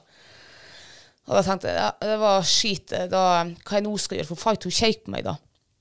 Og jeg tenkte og så, Jeg står der sikkert Det var sikkert bare noen sekunder, men det føles ut som jeg sto der i et minutt og, og tenkte hva skal jeg gjøre? Nei, da satan hiver hun blikket tilbake, liksom. Og hun står fortsatt stramt. Å ja, tenkte. Så da ser jo dommeren, så roper jeg stand en gang til. Jeg tok noen sjansen Å ja, du torde å rope? Ja, jeg torde ikke å røre på meg da. Jeg, jeg måtte bare rope en gang til da. Og da hører de jo meg, så da kommer de jo springende. Og så ser de henne fight, og så går hun opp, og hun reiser på. Og hun reiser en, kontrollert en uh, rypestegg. Eh, veldig flott. Så jeg skyter, og, og hun står nå i ro der, og så går hun fram og, og utreder der. Og så skulle hun, komme hun, skulle ikke komme seg tilbake igjen fra den elva der. Eh, så fikk vi nå lagt ut apport og alt, og, og da det var akkurat noe som ble litt mindre nervøs. Det slapp litt. Det er litt deilig å, å ligge med, på topp med fuglebein med reis Ja. etter første runde. Men eh, jeg visste jo, vi skulle jo tilbake igjen, og jeg visste jo å fortsatt å fighta det siste slippet, så jeg håpa jo inderlig vi ikke skulle komme til den eh, terrenget vi begynte i, der det var rype liksom her og der som bare fløy og, lagde minus på hundene. Eh, så eh, Og vi var jo da Vi var tre hunder på lista med fuglearbeid. Eh, de to andre hundene hadde fuglearbeid uten reis. Og så begynner en ny runde. Og det skjer egentlig veldig lite. Jeg tror ikke det er så mye fugl. Um, så blir den ene hunden med fuglebeid avslutta pga. han kommer seg ikke mer ut i søk. Det var litt tungt før, var det. og så har jeg og Fight siste slipp. Og den hunden som også hadde et fuglebeid, det skjedde ikke noe der heller, liksom. Og så har vi siste slipp. Uh, med en makker som blir veldig forelska i Fight. Han skal jo bare opp i ræva på. Oi, oi, oi. Så den blir avslutta etter 20 sekunder. Og så får vi en ny makker. Og vi, begynte, vi nærmer oss liksom uh, veien, eh, en sånn her ubrøyta vei. Det var veldig tungt før på begge sider, for det var sånn skog liksom på begge sider av veien. Men dæven, altså, hun trykte på gamlekjerringa. Eh, tok masse terreng med seg. Og, eh, og plutselig så roper han bare innkalling. Jeg, jeg føltes ut som at vi bare ikke hadde gått i et kvarter, men det, vi hadde sikkert gjort det, jeg vet ikke. Og så blir de stående og prater. Og da, og da skjønte jeg jo at jeg lå på topp, for at Fight hadde ingen minuser, hun hadde godt søk hele dagen, og fuglebein med reis. Og så sier de at etter noen minutter at eh, det blir en runde tre. Oi. Og da tenkte jeg nei, fy faen, altså, for nå nærmer vi oss denne, vi nærmer oss den skogen der som det var fugl i. Eh, Jeg trengte jo ikke mer fugl. Jeg ville heller ikke at de andre hundene skulle få fugl. Jeg var litt sånn her altså, Jeg unner jo selvfølgelig andre å lykkes, Jo men jo, men litt konkurranseinstinkt har man. ja, det konkurranseinstinktet. Jeg tenkte bare at å, jeg ville jo at det skulle bli sånn som det var. Ja, greit, vi var fire hunder igjen på lista. Eh, grunnen for at det ble en runde tre, for jeg skjønte ikke det heller fra etterpå. Ja, for det er jo vanlig at det er to runder. det var at det er to Hvis ikke runder. det bruker å være noen hunder som får tid til overs, at Ja. det må bli en runde tre Ja. for å jevne ut tida. Ja, for det er det jeg har vært vant med. Og, og vi hadde ikke tid. De nevnte ingen tid til overs, ingenting. Vi var bare fire hunder igjen. Vi, men det var på grunn av at det skal være lik sjanse for alle hundene i en finale til å finne fugl. Altså lik sjanse på alt. Og da var det, to, de, det var to hunder på lista som ikke hadde hatt sjanse på fugl. Ah. Så derfor ble det en runde Altså, det hadde ikke vært fugl i deres slipp. Ja. Akkurat. Og da kan de kjøre runde tre hvis det er forsvarlig og bla, bla. Ja. Uh, og da er det jo greit, uh, hvis reglene er så, eller når reglene er sånn. Um, så da Så da kom eh, stressnivået tilbake, og spentheten var på plass igjen. Altså, jeg var så gjennomsvett. Altså, jeg gikk med dunjakke eh, i solsteik. Altså, det kjennes ut som jeg gikk i en sauna. Ja, men det gjorde du vel. Ja, det gjorde jeg. Eh, og så Fight fikk nå eh, slipp nummer to, da. Eh, første slippet, eh, så blir nå hundene litt borte. Det var tjukk skog der. Og så, på slutten av slippet, så hører jeg bare at det roper stand. Og jeg tenkte satan, altså. Og jeg var jo spent på hvem det var som sto. Var det den, var det den med ett fuglebeid fra før av, eller var det den andre hunden? Eh, ja. Så det, vi, det skytes, og vi kommer ned dit. Da var det jo den hunden med et fuglearbeid som, som fikk fuglearbeid. Så jeg måtte nå høre om Ja, var det med reis? Ja, det var med reis. Oi. Helvete, tenkte jeg. For da hadde han plutselig ett med reis og ett uten reis. ja. Um, men jeg, jeg, man må jo være storsinna på, så jeg gikk nå og klappa på skuldrene og, og gratulerte med reis og, og godt jobba. Mm. Ja, men det er sportsmanship. Ja, det syns jeg man skal gjøre, sel- selv om jeg tror nok de aller fleste ville ha følt det litt sånn her ah, shit. Ja, klart det. Det er jo litt ja. ergrelse. Det er jo litt eh, sånn. Men, eh, men det var nå vår tur. Eh, Slipp å fighte ut. Hun jakter jo glimrende. Eh, Hun tar eh, hele det skogsbåndet nedover og kommer ut på den åpne myrlandskapet. Og bare drar, Vi gikk vel i medvind, ja. Bare drar seg langt helvete ut til Og jeg begynte å skru rope henne inn, for jeg tenkte at nå går hun ut av terrenget. Og så blir det sånn som på Arne-prøven i VK2 blir egenrådig Ja. Og så begynte hun å dra Anja. Hun, det var nesten som hun skulle snike seg i en stand, og så ble hun bak en haug. Og jeg tenkte, satan, så jeg sprang jo alt jeg kunne, men da kom hun tilbake over den haugen, og så revierte hun seg inn. Eh, og da var egentlig slippet over. Eh, så eh, da, da var jeg spent. Heller, jeg var egentlig ikke så spent da. Jeg, jeg visste at vi hadde fått oss en andre VK. Eh, var litt usikker om vi kunne få CK, for jeg visste jo ikke den, den hunden med to fuglebein hadde jo noen minuser. Eh, Så det var, det var jeg litt usikker på. Men jeg var nå bare så Jeg, var, jeg kjente det begynte å bygge seg opp eh, i, i meg sånn her. Jeg begynte, ble så rørt og sånn. Jeg tenkte nå har vi fått VK-premie. Eh, ja, så står vi der, så kommer nå dommeren tilbake etter hvert. De har brukt god tid faktisk på det der. Og så begynner han å, å, å redegjøre for eh, lista for dagen. Eh, og så sier han at eh, andre VK går til, og da Jeg skulle akkurat liksom til å klappe og fight og, og, og feire. Og så sier han faen meg makker fikk andre VK. Jeg bare what? Jeg, jeg ble helt paff, for jeg så ikke den komme. Eh, jeg har, jo, jeg har jo sett før at du kan legge en hund med et fuglebein med reis over en med to, hvis det er minuser. Men, men jeg trodde egentlig ikke at det ville skje. Sånn, jeg, jeg visste ikke. Jeg visste ikke bedre. Så at, da kjente jeg Herre, da begynte jeg å skrike, altså. Um, ja. Jeg ble jo altså så overraska. Altså, jeg ble så eh, Ja, for det, det som skjer da, det er at da er det bare Fight igjen som skal Det er rangeres igjen, Alle de andre hundene, for de begynner nederst på lista, ikke sant? Og, Ja, de begynte nede med fjerdeplassen, tredjeplassen, og så andreplass den som fikk premie. Og så visste du det var bare å fight igjen. Og så fikk vi faen det første uka med CK. Vet du hva, jeg begynte å skrike. Jeg fikk ikke fram et ord. jeg ble altså så rørt. eh, Ja, jeg kjenner jeg blir en, men nå er det skrekket som jeg ikke føler at det Nei, eh, altså det var det, det der er noe av det største Ego fighter opplevde opplevd på jaktprøve. Eh, det var en relativt stor prøve, og så er det for at hun er så gammel som hun er. Hun er liksom veteran. Hun skulle egentlig gått i veteranklasse. Og så bare kommer hun dit og, og er så sinnssykt rå, og så vinner hele skiten. ja. Og, som jeg syns også var vel fortjent. Um, så det ja. jeg, Det blir litt sånn ordløs, gjør jeg. Det er altså Det der er jo òg litt sånn Det er jo litt høy status uansett å vinne den der. Selv om ikke det er NM, så er det liksom best av dem som ikke gikk videre fra første dag. Ja, altså er det sant, på, på de her prøvene vi har nordpå, så er det liksom de samme gjengen som går på, på jaktprøve. Du møter akkurat de samme konkurrentene. Her var det liksom konkurrenter fra hele landet. Eh, så, det var, så det var litt ekstra stas, faktisk. Ja, så er det jo selvfølgelig eh, rosin i pølsa. Det er jo at hun Fight er, som du sier, hun er veteran. Ja. Hun, hun skulle egentlig ikke ha holdt på med det her lenger. Nei, hun skulle ikke det. Hun skulle ha ligget i, i sofa hjemme i campingbilen mens eh, vi var ute og jakta med de andre hundene. Ja. Hun skulle egentlig ikke hatt noe der å gjøre. Det er jo litt sånn som altså Peter Shilton. Han var keeper i, i England Ja. på 80-tallet. Han holdt jo på, han var vel landslagskeeper til han var 40 år. Å Eh, og det var jo helt uhørt på den tida. Da Ja. du skulle legge opp når du var 30. Oh, ja. Så det er litt, sånn, litt samme greia nå, Ja, ikke sant, med Fight. Eh, som er ja, landslagskeeper når hun er 40. ja. Og det som er så, så artig, altså gjennom hele helga så, så er det folk som har kommet og vært så imponert over den hunden her. For at hun er så gammel som hun er, og, og, liksom, og så rå som hun er. Og det kjenner, da blir det Jeg blir så ja, ordløs. Tror du blir stolt av det? Av Jeg blir veldig stolt. Jeg, jeg er så stolt at du er stolt som jeg har meg. Eh, og, eh, men det, jeg syns faktisk det er, det er litt stas å se at uh, altså, folk som har drevet med hundehold og jaktprøver i en mannsalder, de, de vet å verdsette den, altså sånne store prestasjoner. Eh, og de, de vet å anerkjenne det og ikke minst si det til deg som fører. Mm.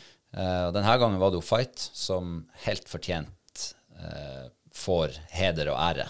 Eh, og, og jeg syns det er stort. Og det er som du sier, det er storsinnet som er i den sporten her. Ja. Uh, du kjenner litt på ergrelsen når uh, den som ligger på andreplass, får et fuglearbeid i siste slipp. men allikevel så, så, så ser man større på det. Man kan gå, gå bort og klappe på skuldra og si gratulerer, bra jobba. Eh, og det er jo det som er så trivelig med det her. Man, man kan unne hverandre suksess og gode prestasjoner, samtidig som man er glad for det man oppnår sjøl også. Så Så det det, det, på Facebook, da, hvis man bare skal ta det fram, så er det jo veldig mye, eller ikke mye, da, men jeg ser det er en del sånn negative ting mot prøvesporten fra folk som eh, enten har slutta med det, kanskje de ikke har lyktes der, og så begynner de å slenge skit om, om prøvemiljøet. Ja. Og, og jeg er jo helt uenig i, i det som eh, blir skrevet og, og diskutert. Eh, nå har ikke jeg vært i prøvemiljøet i en mannsalder, liksom. Men har vært med i det i en, en 15 år. Og jeg, jeg syns det er et veldig godt miljø å være i. Det er stort sett bare folk som unner det godt, og som vil dele av sin erfaring, og som er trivelig og hyggelig å snakke med, og vi har samme interesse. Og, og ja. Eh, så det er veldig, veldig godt miljø, altså. ja, jeg er helt enig. Jeg har jo bare vært eh, ikke halvparten så lenge som du Nei. i det miljøet, men har akkurat samme oppfatning. Det er akkurat det samme jeg føler på. Det er det der med at folk er så rause. Ja. Eh, og det er stort. Eh, det er en stor del av det å fære på jaktprøve. ja. Det er å møte folk som har en positiv tilnærming til alt, og, og syns at det er stas at, det, at folk gidder, og at folk vil være med på det. Eh, og det så vi jo også på Arnøy-prøven, hvor det var så mange nye fjes, ikke sant. Eh, og det er jo også, jeg syns jo det at det er kjempeartig å se at det Ja. kommer nye folk inn, at ikke det Når jeg blir 60 år, så er det ingen bak meg, liksom. Nei. Noen som, som skal ta over. Mm. ta over og ta over. Nei, men det er jo artig at det liksom eh, rekrutteres, og at folk, mm. ja, folk vil være med. Ja, og jeg tror at de som kommer inn Tenk på oss som var første gangen på NM nå. Kjempesvært arrangement. Men allikevel så føler man at det er liksom intimt Ja. allikevel. Og det er god stemning, og folk sitter i store, åpne sirkler og spiller gitar og trekkspill og synger og skravler og har det artig i lag Ja. om kveldene. Og så møtes man ute i terrenget på, på konkurransedagen etterpå. Ja. Eh, nei, det, det er helt spesielt miljø, altså. Så jeg håper flere har lyst til å prøve det. For det er plass til alle der. ja, det absolutt er det. Ja. Du må bare like å kjøre bil. Ja. Nei, men det var jo eh, det var utrolig artig. Og jeg var jo ute i, i, i UK Ja. eh, samme dag, men jeg hadde telefonen mye framme og, og så på oppdateringer fra, fra både finalepartiet som gikk på, eh, på søndag, NM-finalen, og fra Exit Cup-finalen, som du var med på. Det var veldig spennende, eh, det må jeg si. Ja. Johanna hadde jo også sittet og fulgt med. Hun, sa, hun, hun, altså hun satt på telefonen i ett og oppdaterte. Så det var sikkert spennende å følge med. Ja, det er spennende. Ja. Nei, så det er vel bare å gratulere dere med, med første VK. Første premie i VK. Tusen takk. I en alder av eh, godt og vel 11 og et halvt år. Ja. Men jeg gikk og snakka med en eh, gammel ringrev på, på mitt parti som, på søndag. Mm. Når, etter at vi hadde fått høre at, at dere vant. Mm. Da, jeg må si at da eh, Når du ringte og, og, og skreik, da begynte jeg også å skrike. Tårene rant. Tårene rant, og jeg fikk ikke til å prate når jeg la på med deg. Jeg, jeg måtte ta en liten stund for meg sjøl der og, og bare hente meg inn igjen. Ja. For det var, det var veldig sterkt. Og jeg visste hvor mye det betydde for deg. Og, ja. Og, eh, og det betydde mye for meg også. Så jeg, jeg følte hvordan du hadde det. Og jeg fikk jo litt samme følelsen forrige helg når du fikk første AK Pro-fight. Eh, og så topper du det med første VK med CK denne helga. Det var stort. ja det var, og det her var fight sin niende CK. Ja. Så det var, ofte var rått. Og eh, når jeg da fortalte det til eh, Vi var ikke så mange igjen i partiet, vi var vel tre stykker og en dommer. Ja. Og han ene karen hadde nå kara seg over en elv, og, så det var bare jeg og, og eh, han Per Jonny som sto igjen på, på den sida av elva som vi kom fra. Ja. Og når jeg da sa til han at, eh, at dere hadde vunnet og fått, fått CK, så eh, da tror jeg faktisk han ble Jeg så han ble, han ble rørt, han også. så eh, han sa det jo etterpå, at da ble det fukt i øyekrokene han, hos han også. Og det er jo det vi snakker om. Hvor, mye, altså, hvor man unner hverandre suksess. Ja. Så det var artig. Det var, uff, det var Men, for eh, livet. Ja, det var det. Men eh, jeg har jo gått Jeg har jo debutert i UK, ung, Ja. unghundklassen. Det har du. Jeg har aldri gått der før. Nei, tenk det. Eh, Du har jobba deg nedover. Du begynte i VK. Ja. Så gått en gang, jeg tror du har gått et par ganger i AK. ja. Så eh, jeg husker min første prøvestart i VK. Da spurte jo dommerne eh, liksom, de, de spurte nå ikke, det var nå bare sånn retorisk spørsmål. Ja, dere vet vel alle her hva det dreier seg om, så vi trenger ikke å bruke så lang eh, tid på morgenandakten. Og da måtte jeg rekke opp hånda og si at nei, jeg har aldri vært på jaktprøve før.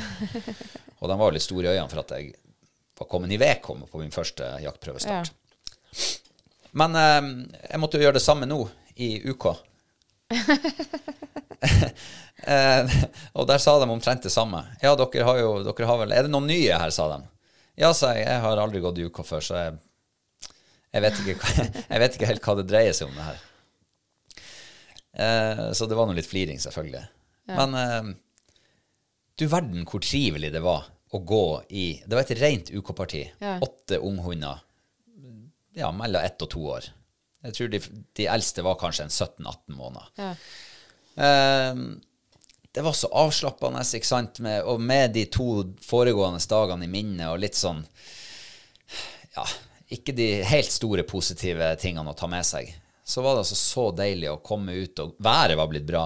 Det var plutselig blitt sol og fint. Ja, det er påskeværet. Ja. Eh, og kjempegod stemning i partiet. Masse folk som jeg aldri har sett før. Eh, og lave skuldre. Eh, og jeg måtte jo spørre, liksom, skal det tas apport, eller? Nei, gjorde du det? Ja, ja. Du, nei, det visste du at det ikke skulle gjøres. Nei, for jeg kom jo plutselig på at jeg har jo gitt apportrypa mi til deg. Nei, da sa de, du trenger bare apportbevis. Apportbevis? Jeg har ikke apportbevis på hund. Har du ikke? Nei, da kan du ta det etter første fuglearbeidet, men da må du ha apportrypa med. Jeg sa, jeg har ikke apportrype med heller. Så de eh, holdt litt helsike med det der. så, så nei da, det, eh, det var ordentlig artig. Ja. Og jeg har jo eh, ikke ført henne klopp siden i, ikke, i fjor høst. Ja, det tror du. Du har vel ført henne én gang. Jeg førte henne i ett slipp på fjellet her eh, rett etter sneen var kommet. Eh, Men du har jo fortalt hvor god hun er, og liksom Ja, bare la henne gjøre jobben. Eh, Ikke prat så mye til henne, og ikke Bare, bare styr henne litt. Ja, ikke, styr, du, ikke hvis hun ikke trenger, men Ja. kan gå i den retninga hvis Ja. du vil at hun skal. Så jeg eh, gjorde jo det. Vi fikk første slipp, og hun starta ut Nei, hun starta ikke ut. Hun gikk jo bare og surra. Det var litt rypespor i krattene der. Ja. Så hun kom seg jo ikke ut. Og jeg tenkte jeg, hadde, jeg kunne jo tenkt meg å rope nei til henne, liksom få henne bort derifra, men jeg tenkte du hadde sagt at ikke prat så mye til henne. Bare Ja. hun fikser det sjøl. Men kan jeg bare skyte inn, da? Mm. For uh, jeg, jeg vet jeg har sagt 'ikke prat', til henne. Uh, det var vel her for i sånn august-september, da. For eh, godt over et halvt år siden. Eh, da har hun sagt 'ikke prat', jo. Eh, nå må jeg korrigere deg. ja. Ikke la det her bli noe eh, malurt i noe beger, men Nei. du sa det når vi planla helga når vi var på tur kjørende i de ni timene vi satt i bilen. Så snakka vi oss gjennom hvordan vi skulle gjøre det her, Ja. og greier og greier, og du sa, da sa du akkurat det samme. ja, men det jeg mener med 'ikke prat' Men det, jeg tror ikke jeg har sagt Men da har jeg sagt Ja. Men det mener vi 'ikke prater jo, det er å gå sånn her og mase og styre og kjøre på og sånn der, for det vil ikke at hun skal Hun skal få lov å kjøre på på egen eh, vilje. Eget initiativ. Initiativ, ja. Ja. Så det er det jeg mener 'ikke peiv og, og prate og sånn der. Men, Ja, men jeg er jo mann, så jeg må ha sånne ting inn med teskje. Å ja, men jeg trodde at vi var forbi det der, liksom. For det har du jo skjønt, at man skal ikke snakke til henne eller sånn der. Men eh, når hun begynner med sånn der, så må man si nei. Ja. Jeg ser jo hun kan fort komme ned i et rypekratt, og da kan hun liksom bli litt fast der. Mm. Og da er det bare å rope da, og når, du roper nei, da, så kommer hun seg bort derifra. Ja. Uh, men det erfarte jeg jo da, Ja, ja. i det første slippet. Jeg så jo at uh, jeg kan jo ikke la henne gjøre akkurat som hun vil, så jeg må jo jeg må jo korrigere henne bort fra sånne der situasjoner. Mm. Men det gikk jo selvfølgelig altfor lang tid før, jeg, eh, før det, det gikk opp for meg. Ja. Uh, men det, en annen ting var jo at vi gikk jo i medvind. Og det tror jeg hun har veldig lite erfaring med. Veldig lite erfaring med medvind. Ja. Jeg startet jo så vidt her eh, en par dager før Arnøy-prøven forrige helg. ja. Ja. Uh, og det så jeg, jeg, Det var ikke sånn jeg har blitt vant til å se henne, for hun virka veldig sånn her usikker på hvor hun skulle. Hun begynte på et fint slag, og så, nei, så stoppa hun, og så avbrøt hun det. Og så for hun litt andre veien. Og, så første slippet var ikke noe særlig bra. Nei. Men den stopping og avslutning, det tror jeg ikke hadde noe med medvind å gjøre. Nei, nei, jeg vet ikke. Nei. Men, uh, og så var det jo veldig tungt føre. Ja. Det var ordentlig, ordentlig jobbeføre for de hundene. Um, men det som var så artig, det var jo at utover dagen Vi fikk jo mange slipp. Ja. Jeg tror vi hadde fem-seks slipp til sammen. Hun gikk jo faen meg i 95 minutter, ja. Ja, 90 minutter gikk hun i. Og uh, hun hadde altså så god stigning utover dagen. Hun ble bedre og bedre for hvert slipp. Slagene ble større, søket ble mer og mer planmessig. Og, nei, det var, og, og hun jobba knallgodt i det tunge føret. Det andre slippet, det tror jeg kanskje var den plassen i det terrenget vi var som hadde det aller tyngste føret. Ja. Det, var, det var liksom en sånn, sånn myrflate under en stor sånn brink. Ja. Det hadde åpenbart samla så mye snø der. Men dæken, hun sto på. Både hun og makkeren, gikk mot en eh, Breton. Ja. De jobba altså så knallgodt. Og de veksla på føringa og brøyta vei til hverandre litt. Og Nei, det var ordentlig artig å se.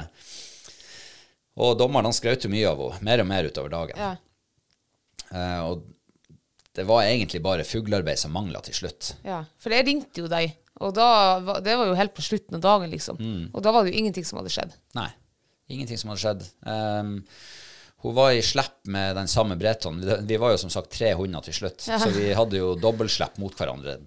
Og, og bare det er jo svintungt. Ja, ja. Du går i 20 minutter, og så er det pause bare på å sette på en ny hund. Ja. Så, så går du i 20 nye minutter.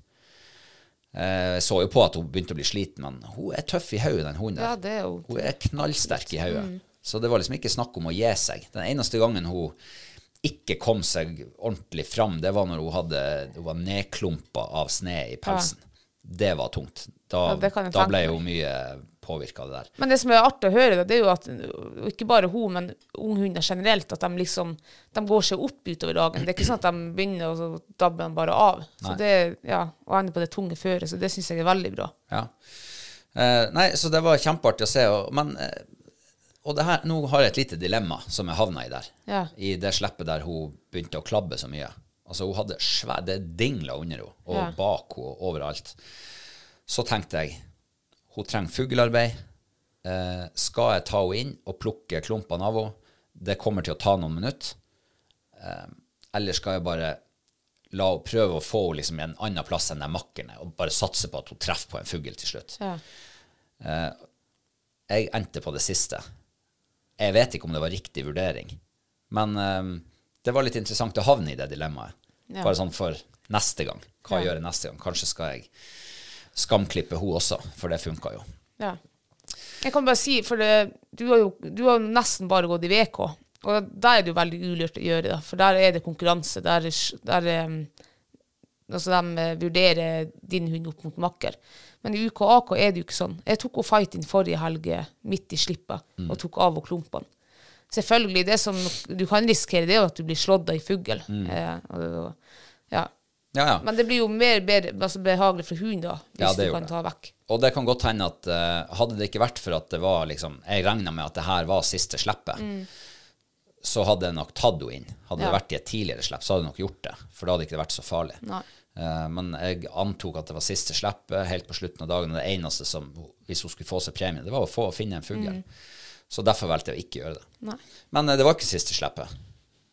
Det ble jo Jeg tror det ble to slipp til. Oh, ja. Men helt på slutten så, så fikk vi i hvert fall eh, ett slipp til, jeg og den samme Breton. så det var vel minst tredje slippet mot den samme hunden. Ja. Og den trengte også fuglearbeid. Eh, og da startet de ut. Da hadde jeg fått plukka bort alt, og jeg så jo bare at jøss, hun gir jo full gass enda. Skikkelig bra jobbing. ja. Etter 85 minutter så er det fortsatt liksom god sprut jo. Og jeg ser at de liksom Jeg ser hun blir litt sånn lav i kroppen og begynner liksom å krype litt. Og så slår hun seg ut igjen, og så slår hun seg inn, og begge, begge hundene er i samme område. Og liksom krysser litt på hverandre. Ja. Og så slår hun seg ut mot venstre, en sånn god sløyfe. Breton slår seg litt ned mot høyre og framover. Og så ser jeg hun kommer inn, og så plutselig så bare hiver hun seg inn i en stand. Ja. Akkurat, altså sånn stand som jeg har sett henne i bestandig. Sånn superstilfull, stram, lav, svai på jævlig ryggen. rå stand å Ja, ikke sant? Det, er svai i ryggen og halen rett ut. Og, Ja. Og der og da så bare Yes, tenkte jeg. Der kom fuglen. For det, der, der sitter fugl, det er ikke tvil. Og akkurat samtidig så hiver Breton seg inn i stand bak henne. Så de står begge to bare på en linje med en sånn liten kul imellom seg. Ja. Og jeg melder stand, og dommeren sier ja, jeg ser, og vi går framover.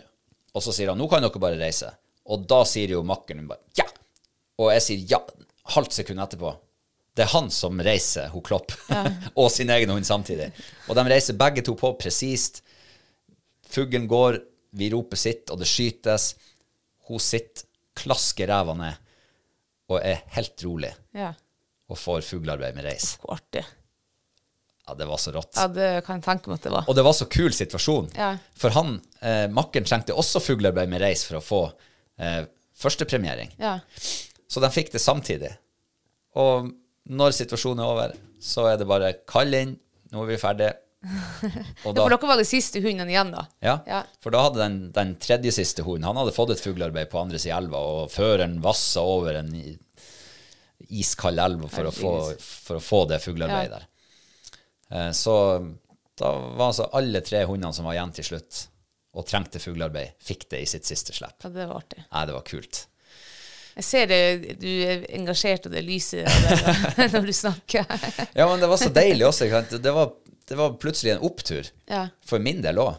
Og det var så stas med den der unghunden der, ikke sant. Og hun hadde jobba så godt hele dagen, og ja Jeg syns det var virkelig fortjent at hun fant seg en fugl til Ja, ja. slutt.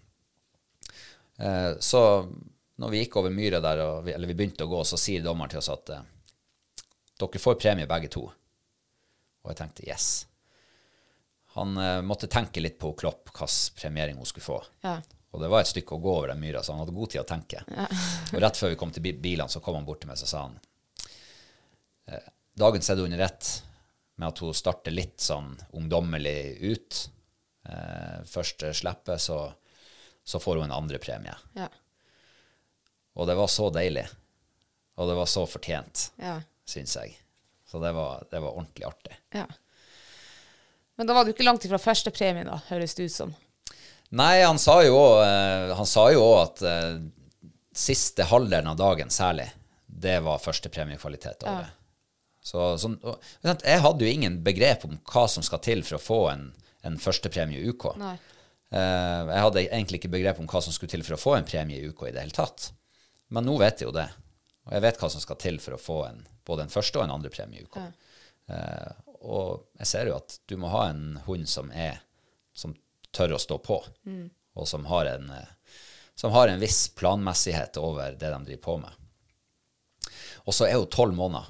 Hun hadde bursdag 1. april. Ja, da glemte vi stakkars å feire. Ja. Stakkars hund. Ja, Da må vi feire nå til helga. ja det kan ja, vi gjøre. Da blir det ettårsdag. Men, men ikke sant, og det jeg tenker, det er jo at eh, hun har gått mot hunder nå som er fire, fem, seks, syv, åtte måneder eldre enn hun. Jeg tenker at det må skje mye i et ungt eh, hundehaug og hundesinn på noen få måneder bare. Vi så bare hva som skjedde bare på en helg oppe i siste jakthelga her. Ja, altså det, det, tar, altså det der kan skje på bare noen dager og uker. Ikke sant? Ikke måned engang. Så den der hunden der Nå kommer jeg med en spådom, og du kan arrestere meg om noen år hvis jeg tar feil. Ja. Hun kommer til å bli en premiegrossist på jaktprøve. Ja, det har jeg sagt allerede for mange måneder siden. Ja. Hun er, altså det er et stort talent det der. Kjempetalent. Og det jeg liker, like så godt med henne, det er at hun har viljen og altså Hun er så sterk og tøff i hodet og har så vilje og, og elsker å jobbe. Og det liker jeg veldig godt med henne. Ja.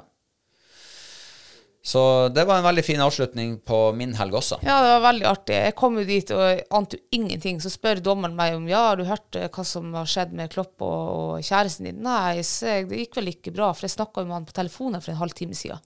Å ja, nei, da må jeg jo redegjøre. Så da snakka han jo om det her, det fuglearbeidet du, du nevnte nå, da. Så det, jeg ble så positivt overraska. Ja. Da var det grining igjen. Det var så artig. Ja, det var mye tårer rundt bilen her, for den eh, Breton fikk jo også fikk jo førstepremie. Ja, og hun, jeg og hun vi kom jo nesten samtidig Ja. bort og venta på dere. Så hun, og Hun brast i gråt, Ja. og du brast i gråt, og jeg brast i gråt. Og, ja, nei, alle sto der og Alle gråt. der Jeg vet ikke om dommeren eh, han klarte kanskje å holde maska, men det var artig avslutning på helga. ja, det var det. Virkelig artig. Ja. Nei, det, det har jo vært en lang helg, Ja, men veldig innholdsrik. veldig innholdsrik. Og um, Jeg har skikkelig kosa meg. Det var, og NM-helga sånn, eh, generelt sett har stått helt til mine forventninger. Eh, Og det var kjempeartig å komme ut dit igjen. Det er altfor mange år siden sist jeg var der. Ja, det har gitt mersmak til meg òg. Jeg tror nok at eh, vi kommer til å Eller vi, ja vi, begge to, kommer til å være gjengangere der ute. Det tror jeg. Så det, det var ordentlig bra. Ja. Eh, er det noe annet vi har glemt nå, da, med, med helgas eller siste Jo. tids bravader? Å ja, Yes. er det det? For vi hadde jo hjemtur i går. Åh, Og vi, det, jeg, skal, jeg skal ikke prate i 30 minutter om den hjemturen. Det okay. skal jeg ikke. du får to minutter. ja, jeg kjørte sånn og var trøtt og bla, bla, bla. Og så kom vi, begynte å nærme oss hjemme. Vi var kanskje en halvtime hjemmefra. Og da var jeg jo så helvetes trøtt, så jeg tenkte at nå må det skje noe, ellers klarer jeg ikke å holde meg våken. Ja. Og det er akkurat som at eh, han oppe i himmelen, eller, eller hvor han bor, han hørte meg. For vet du hva jeg så da? Og du gikk glipp av dem. Da sto Jeg, det altså, jeg var jo der. ja, det sto ei gaupe i veikanten. Jeg ser noe som akkurat er kommet liksom fra veibanen og så opp grøfta. Og jeg tenker jo med en gang rev, så, og rev er jo ikke så spesielt, så jeg sier ikke noe. Men liksom bare, og alt det skjer jo bare på noen få sekunder. Men idet vi liksom nærmer oss den og vi får den lysen, så står det faen meg en svær gaupe. Bare en fire-fem meter ifra veien. Ja. Eh, og da ble jeg våken. Altså, jeg holdt meg jo Jeg fikk jo sånn her tinn... Eh, Tinntallerkenøya. øya ja, i en halv time. Uh, så det var veldig artig. Det er lenge siden jeg har sett gaupe, og aldri sett den så nært før. Ja. Så det var, flott opplevelse. Selv om det var på E6. Men det var artig å se E6-gaupa. Eh, Jeg må bare si at uh, fordelen med å bli slått ut uh, av de her NM-konkurransene på en lørdag, det er at man har muligheten til å kjøre hjem tidlig på søndag. Ja. Uh, ulempen med å drive og vinne premier på søndag Du må Det- tilbake. Du må tilbake til Andenes. Og Andenes, for dere som ikke er kjent, ligger helt nord på øya. Og de fleste terrengene begynner fra du har kjørt ja, 20 minutter eller lenger bort fra Andenes. Ja. Og vi har jo stort sett ligget på terreng der du har kjørt mellom En time. Ja, rundt en time. Eh, men eh, på søndag så måtte vi nå kjøre en 45 minutter tilbake til Andenes. Ja. Eh, du måtte jo få premie, det var jo stor seremoni. Eh, og så må man begynne å kjøre hjem. ja. Når Først skal du ha mat også. Ja, ikke sant? Så når Ja. klokka er kvart over fem, og du har vært, eh, det har vært en hard og lang helg, og så du, har du liksom åtte-ni timer i bil foran deg Ja. Oi, Det var tungt. det var tungt. Ja. Det anbefales ikke. Det skal ikke skje til neste år, det kan jeg love deg. Da Nei. blir det slått ut på lørdag, og så kjører jeg hjem søndag. Nei, men det vi kunne gjort, det er jo å, å ta en overnatting. Jo, men det, det, ja, det er jo det at mandag er jo arbeidsdager. og sånn, Jo, jo. så man hvis man planlegger det bedre. Det er klart. Ja. Eh, nei, så da, gode råd er dyr når Altså, det gikk helt greit å kjøre til det begynte å mørkne. Ja, det, det gjorde jeg. Fra Bjerkvik og hjem så ble det bare tyngre og tyngre. Ja. Og det er en tur på eh, ja, nesten 30 mil. Ja. Jeg tror vi var halvveis når vi kom til Bjerkvik. Ja. Eh, det var mye stopping. Mm. Jeg kan si at eh, når du er trøtt, eh, ikke kjør bil da. Altså ha kontroll på trøttheten. Ja. Eh, stopp før det går for langt. Og det måtte vi gjøre mange ganger i går. Mm. Jeg var ute og sprang på veien og hoppa knebøy og trim foreldre og alt mulig rart.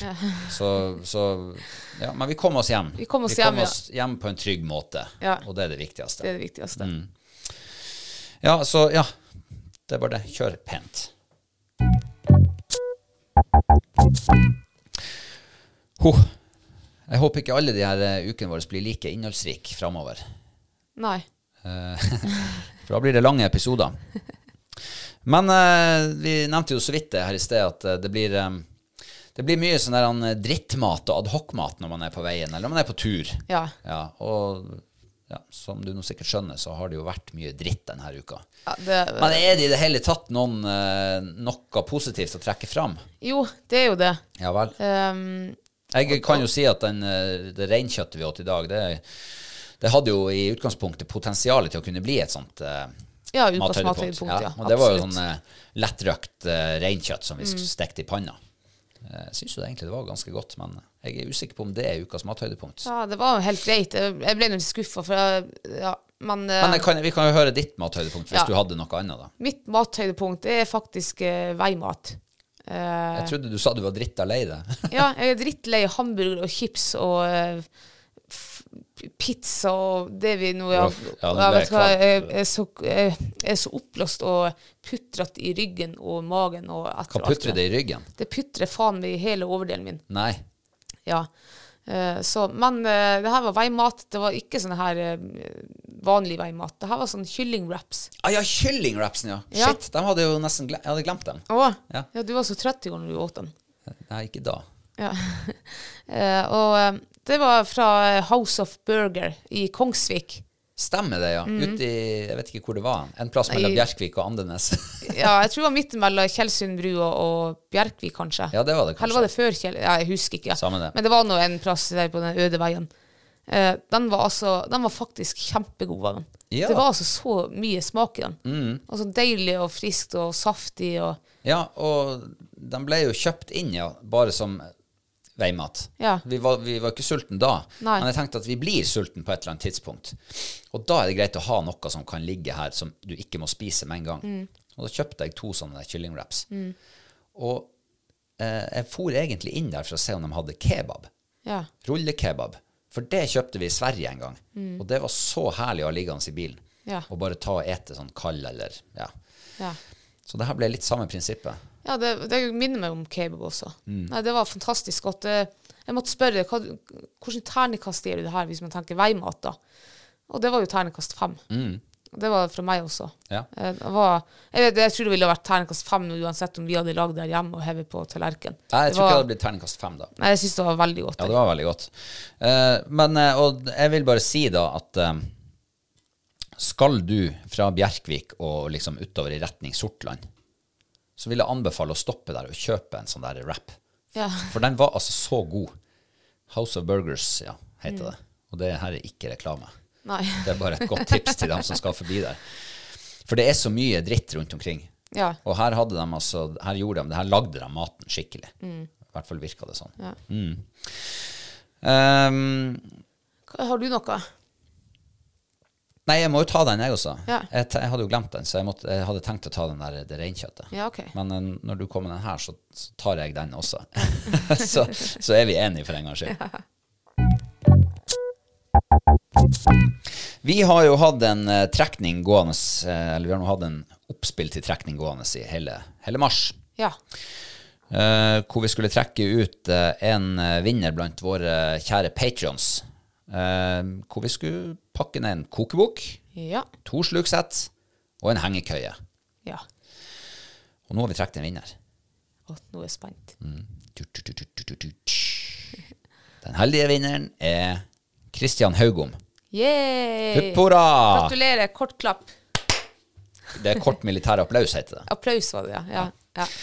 Så Kristian, du får um, vi, Ikke ring, vi ringer deg. Ja. Så får vi adressen din. Og hvis du hører der nå, så kan du sende det. Um, ja, det var det.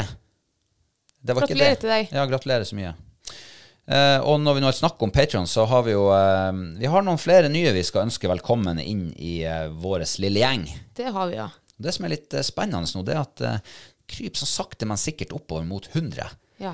Og den dagen vi treffer 100, så løser det altså ut eh, en ny trekning. Stor, skikkelig stor trekning. Ja. Eh, da blir det fluestang. ja. Komplett sett. Klasse syv var det vel. Seks. Solgt. Å, ja, seks, ja. Ja, ja, perfekt ok. skjørestang. Mm, snelle og snørr og alt. Så jeg er spent på om vi noensinne får delt den ut. Jeg håper det. Jeg håper også det. Fantastisk stang. Jeg har den sjøl og har hatt den nå i mange år. Eh, ja, vi skal begynne med førstemann ut. Yes, og det er han Alexander Pedersen Falsen. Ja. Falsen, det har jeg hørt om. Altså, det er en plass, tror jeg. Er ikke det det? Mm, ja, det kan godt Jeg tror være jeg det. har hørt eller sett skilt Falsen, men det er jo Fal ja, Falsen. Mm. Um, men jeg fikk nå i alle fall sånn her nordnorske nordnorsk eh, vibber. Gjorde du det? Jeg gjorde det, ja. Hvorfor det? Hvorfor det? Nei, for jeg, jeg, jeg liksom innbiller meg at jeg har sett et skilt der det står Falsen. F-a-l-l-s-e-n. Ja. Her i Nord-Norge. At det er en plass. Og jeg tenker at han Alexander han er sikkert derifra. Og Pedersen eh, heter de over hele landet sikkert. Så jeg tenker at Falsen er, er det som er nordnorsk, holdt på å si. Ja, men, men hvor hen i Nord-Norge er det? Du kan Eh, ikke Ja, er det jeg må sitte og tenke nå, skal vi se. Jeg tipper han Falsen er ifra Det er jo ikke noe biller heller som hjelper. Det var ikke et rev, han er ikke revejeger engang. Nei, men jeg, jeg tror nok han er fra Troms fylke, ja. Ok? Jeg tipper han er ifra mm, Hvor jeg har vært han i Troms. Altså, I Troms har du nå vært overalt. Ja, det er det som jeg, ja, jeg sier eh, Helvete. Jeg sier Han er eh, ikke derifra, det tviler jeg på. Og nå fikk jeg sånn panikk. Nå må jeg bare si eh, Kvaløya. Kvaløya. Ja, det var ikke, absolutt ikke der jeg tenkte. Fra Falsen på Kvaløya. Ja, kanskje det er det. Falsen på Kvaløya. Kanskje jeg har gått på jaktprøve der. Kanskje det, ja. Ja, Nei, jeg sier Kvaløya der. ja. Jeg fikk eh, trøndervibber. Gjorde du det, ja? Mm. Men jeg, jeg vet ikke hvorfor. Jeg tror bare at uh, muligens har uh, hatt en eller annen i militæret en gang, en rekrutt som kunne heta Falsen. Ja. Og i så fall så innbiller jeg meg at han var trønder. Oh, ja. Og hvor hen i Trøndelag kan det være? Eh, jeg heller jo litt mot altså Nå er jo Trønder, alt er jo Trøndelag nå. Ja. Det er jo ikke Nord- og Sør-Trøndelag. Men jeg tenker litt sånn eh, gamle Nord-Trøndelag, kanskje. Oh, ja. Og litt ut på kysten. Rørvik, sier jeg. Eller Røyrvik, er det det heter? Røyrvik, tror jeg. Røyrvik, ja. Ja. Oppi eh, Er det Nordheimsund kommune? Ja, det er hvem som vet det. Det er noe der, i nærheten av der vi var, i hvert fall i sommer. Ja. Det er jo helt, nord ja. i, helt nordvest i, i Trøndelag. Takk at du havna dit. Ja, det var Ja. helt usannsynlig, nesten. Men jeg havna der. Ja. Um, og så har vi uh, han eh, Ivar Steinsvik. Steinsvik, ja. Det er i alle fall en plass som heter her i Nordreisa. Det er det. Det skiltet har jeg og sett. der er det en fin badestrand. Ja. Så tenk hvis han Ivar Steinsvik har vært og bada der. Ja. Jeg tror ikke han er fra Steinsvik. Han har et profilbilde, og det er jo på Høyfjell, der i en sånn dalsøkke med et vann. Kanskje det er sånn her eh, sånn eh, bredvann. Det ser veldig blått ut, men det, det er jo langt ifra sola skinner. Ja. Eh, Det så veldig idyllisk ut på det bildet der, i hvert fall. Veldig idyllisk. Men Er det hvor er bildet tatt? Over en sekk. Kan det være hagle? Ja, så stort bilde har ikke jeg. Ja, det kan nesten være det. Jeg tror det kan være hagle. Jeg har Mm. veldig lite bilde. Eh, ja, eh, jeg får jo med en gang eh, nordnorsk vibbe her også. Ja. Eh, og det må, kan vi, Finnmark er det ikke, tror jeg. Det her må også være Troms, kanskje Nordland. Mm. Um, ja, jeg må tenke litt. Du Ja. kan begynne. Jeg kan begynne, ja. Um, jeg tipper at Steinsvik er ikke et navn som er så veldig vanlig rundt omkring i landet. Nei. Så altså, vi har jo selvfølgelig Steinsvik her i bygda, eller her i Mm. kommunen. Mm. Ref den Sandstranda og plassen Steinsvik. Ja. Men jeg, jeg klarer ikke å huske at det er noen som heter Ivar Steinsvik som kommer derifra. Nei. Nå kjenner ikke jeg alle steinsvikingene. Men um, jeg eh, fikk en hunch på Vestlandet. Å! Ja, for jeg tror at Ja, det er noe Vestlandet kan ha sånn her natur. jeg, jeg tror at det er noen steinsvikinger i eh, området Florø. Så jeg sier Florø. Og jeg tror det der bildet der, det er sikkert tatt opp i en eller annen Inn i Sognefjorden en eller annen plass på høyfjellsjakt. Kanskje på Ja, hvis du mente det var Brevann. Det er noe brea der i området. Ja. Så jeg sier Florø.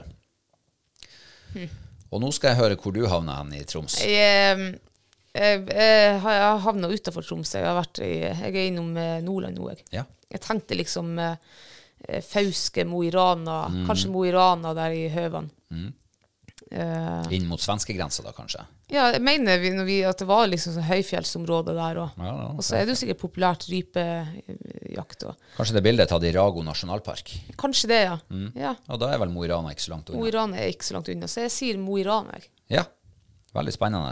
Nå har vi havna på to forskjellige plasser. Yes. Og så har vi han eh, Anders Gimse. Ja, Gimse, det var hørt det før, jeg. Har vi en annen patron som heter Gimse, eller? det har ikke jeg i sånn Faen, Gimse hørtes kjent ut. Hmm. Han har jo heller ikke noe sånn uh, Han er revejeger. Ja, han er, ja, er det- rev, ja? Ja, det er rev. uh, Anders Gimse. Jeg har hørt om Gimse før. Eh, Jeg havner litt sånn på uh, vest, ja, Vestlandet, kanskje. Ja. Eh, Jeg havner nok litt, eh, litt lenger øst enn Vestlandet. Jeg, men jeg er i Sør-Norge, og jeg er ganske sånn sentralt i Sør-Norge. ja. Um, jeg tipper at det er liksom i Altså, jeg kunne ha tenkt meg Geilo, liksom, men ikke, ikke helt der. Nei. Men liksom i de Der i regionen, kanskje. ja, OK. uh, og hvorfor vet jeg ikke. Kanskje jeg drar han ned i en dal. Kanskje jeg sier Valdres. Valdres. Ja. Ja, hvorfor ikke? ja, hvorfor ikke? Det kan hende de heter andre ting enn Gimse der, men det kan være at han er tilflytta. Ja. mm, Gimse eh, uff, uh, Vestlandet sa jeg nå først, men uh, jeg, sier eh, den dagen som jeg var kjørt i her for en, litt over en uke siden. Hva i faen var den het da? Altså der med Lom og Ja, Gudbrandsdalen. Å ja, Gudbrandsdalen, ja. Ja, jeg sier der. Eh, Den er jo lang, så da kanskje jeg treffer. ja. Treffer du på den, så får du bare et halvt poeng. Nei. uh, ja. Og så har vi uh, siste for i dag. Uh, det er hun Elise Madsen. Får du noe magefølelse? Ja, Madsen med det Jeg tenker med en gang dansk der. ja. ja. Eh. Ja ja, det er jo en plass å begynne. Ja, jeg, jeg tenker liksom men, Elise Madsen. Ja, ikke sant. Jeg fikk med en gang sånn danske vibber. Hun har jo heller ikke noe sånn bilde annet enn en rev. Mm. Um, Madsen. Men det er vel hva Jeg tror det er mer universelt enn at det er dansk, liksom. Ja, men det er, for, det er sikkert at jeg er litt dansk, eh, og jeg vet at de ideene der, så med en gang det er noe med det, eller så er det Ja, jeg tenker Danmark. Ja. Men jeg tror hun her er ifra eh, Ja, nå er Østlandet, da. Eh, og Østlandet er jo stort. Da sier jeg at hun er ifra der vi oss Rendalen, heter det, ja. Rendalen, ja. Jeg sier Rendalen, jeg. Mm. Ja. Eh, jeg tenker at det der Du, kun, du kan hete Elise Madsen uansett hvor i landet du Ja. bor. Um, kanskje jeg Kanskje jeg faktisk har litt sånn her eh, Du sa Rendalen, var det du sa? Ja. Jeg er kanskje litt lenger nord, men jeg er liksom på grensa mellom Trøndelag og heter det Innlandet ennå. Ja, det gjør jo kanskje det. Kanskje, kanskje Røros. Ja, Ja, hvorfor ikke? hvorfor ikke? Det, det kan godt være Røros. Kanskje jeg drar han enda lenger nord. Kanskje, hva, det heter når vi kom ned fra Røros og ned mot Trøndelag? Selbu og- Selbu, ja. Ja, gud, det var fint der. Det sier jeg. Selbu. Ja. det, jeg tror hun er trønder og bor i Selbu. Ja. Det var eh, dagens uh, nye patrons, og eh, hjertelig velkommen til dere alle sammen. Ja, Ja. ehm, vi setter veldig pris på det. det gjør vi absolutt. Og eh, vi fikk en eh, oppdatering fra en av våre patrons. Ok. Eh, hvis jeg når kjapt å finne den igjen. Um, Det var hvor han eller hun kom fra. ja, Da er jeg spent. ja. Eh, for det var han Sivert. Ja. Eh, han sier at han kommer ifra Verdal, oh. Nord-Trøndelag. Og det var den elgen som var skutt på det bildet, ja. som eh, du tippa var skutt på bakom eh, Circle K på Namsskogan. Ja, men jeg var ikke så forbanna langt unna, da. Nei, men elgen er skutt på Namsskogan. Nei, er den det? Yes! Yeah! Så eh, det blir et halvt poeng til deg. Gjør det det? ja, det blir det. Da leder jeg her. Da leder du. For du sa vel ikke det, du? Nei, jeg sa ikke det. Så da er det altså stillinga er et halvt poeng til deg Ja. og null poeng til meg. Yes, da leder jeg. Ja, og så har du- ja, men vi har de her to lokale som ikke har eh, latt høre fra seg ennå. Jeg tror vi kan uh, huke av et poeng til oss hver på han Daniel. Ja. Uh, så da i så fall er det ett og et halvt poeng til deg og ett poeng til meg. Yes. Ja. Det var artig. Uh, en liten artig sak som vi fikk i, levert i posten i dag. Vi har fått en ny farge på hall- og knallhua. Ja, det har vi. Den var grisedeilig. Grisekul. Du, den var, altså så, de var mye kulere i virkeligheten enn på bildet når vi satt liksom og bladde der. Ja. Det, det her er min yndlingshue nå. Er det det? Ja, jeg har fått gått med han i dag på butikken og Fått vist han fram. fått vist han fram. Ja. Vet du jeg er skikkelig fornøyd. Har du fått noen gode tilbakemeldinger på den? Ja, jeg var innom mamma en tur og tok en kopp kaffe, og det første hun sa, det var 'Herre Jesu, den der var fin', og endelig fikk du kasta bort den, skitstygge hua. Og så sier jeg 'Herre, den skitstygge hua'? Ja, den var satans skjetne, du vasker jo ikke Å ja, skjetten, ja. Det var det som var var det, stygt. det var det som var stygt. Altså, for jeg, jeg bruker jo Det er jo bruksting. Ja, ja, det er jo det. hun syntes den var så fresh og fin. Ja, den var det. Ja. Og den er jo faktisk eh, samme, litt sånn samme oransjefarge som det du har på, på eh, jaktcapsen din når du er på elgjakt. Ja. Så den kan du jo trygt ha på deg. Eh, kan du faktisk se litt kul ut, i tillegg til å bli sett av andre elgjegere, f.eks. Mm. Eller andre rypejegere, eller uh, hva, hva du ikke skulle bli sett av. ja, det er jo en, en, en sikkerhet også Ja, det ute i skogen. Ja, det er det. Jeg har ikke fått prøvd min ennå. Jeg har bare hatt den på. Den kjentes veldig deilig ut. Ja, du, eh, du kledde den. Alt kler en smokke. Ja.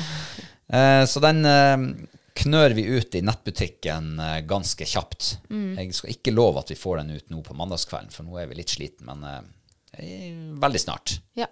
Og så er det begrensa opplag sånn nå til å begynne med. Hvis den går godt og folk vil ha den, så bestiller vi mer. Ja. Uh, Okidoke. Det var dagen i dag. Eller uka i, i fjor, holdt jeg på å si. Den siste uka. Det var det, ja. Nå er jeg, nå er jeg mye mer våken også, så det hjalp å sitte der og skravle litt. Kjempebra. Jeg føler meg kvikk og opplagt. Det er det som er trikset når man skal være et godt sidetryne i bilen. Det er å være god å prate. Ja. For når du prater, begge prater, så blir man ikke riktig så trøtt. Det er sant, det. Og Godt tips. Og et annet siste tips med på eh, fra en bussjåfør, min far. Ja. Når han blir litt trøtt når han kjører buss, så tar han seg et eple. Og så våkna han. Åh. Takk for at du har hørt på. Og så høres vi igjen om en uke. Ja, ha en fin uke. Ha det bra. Ha det.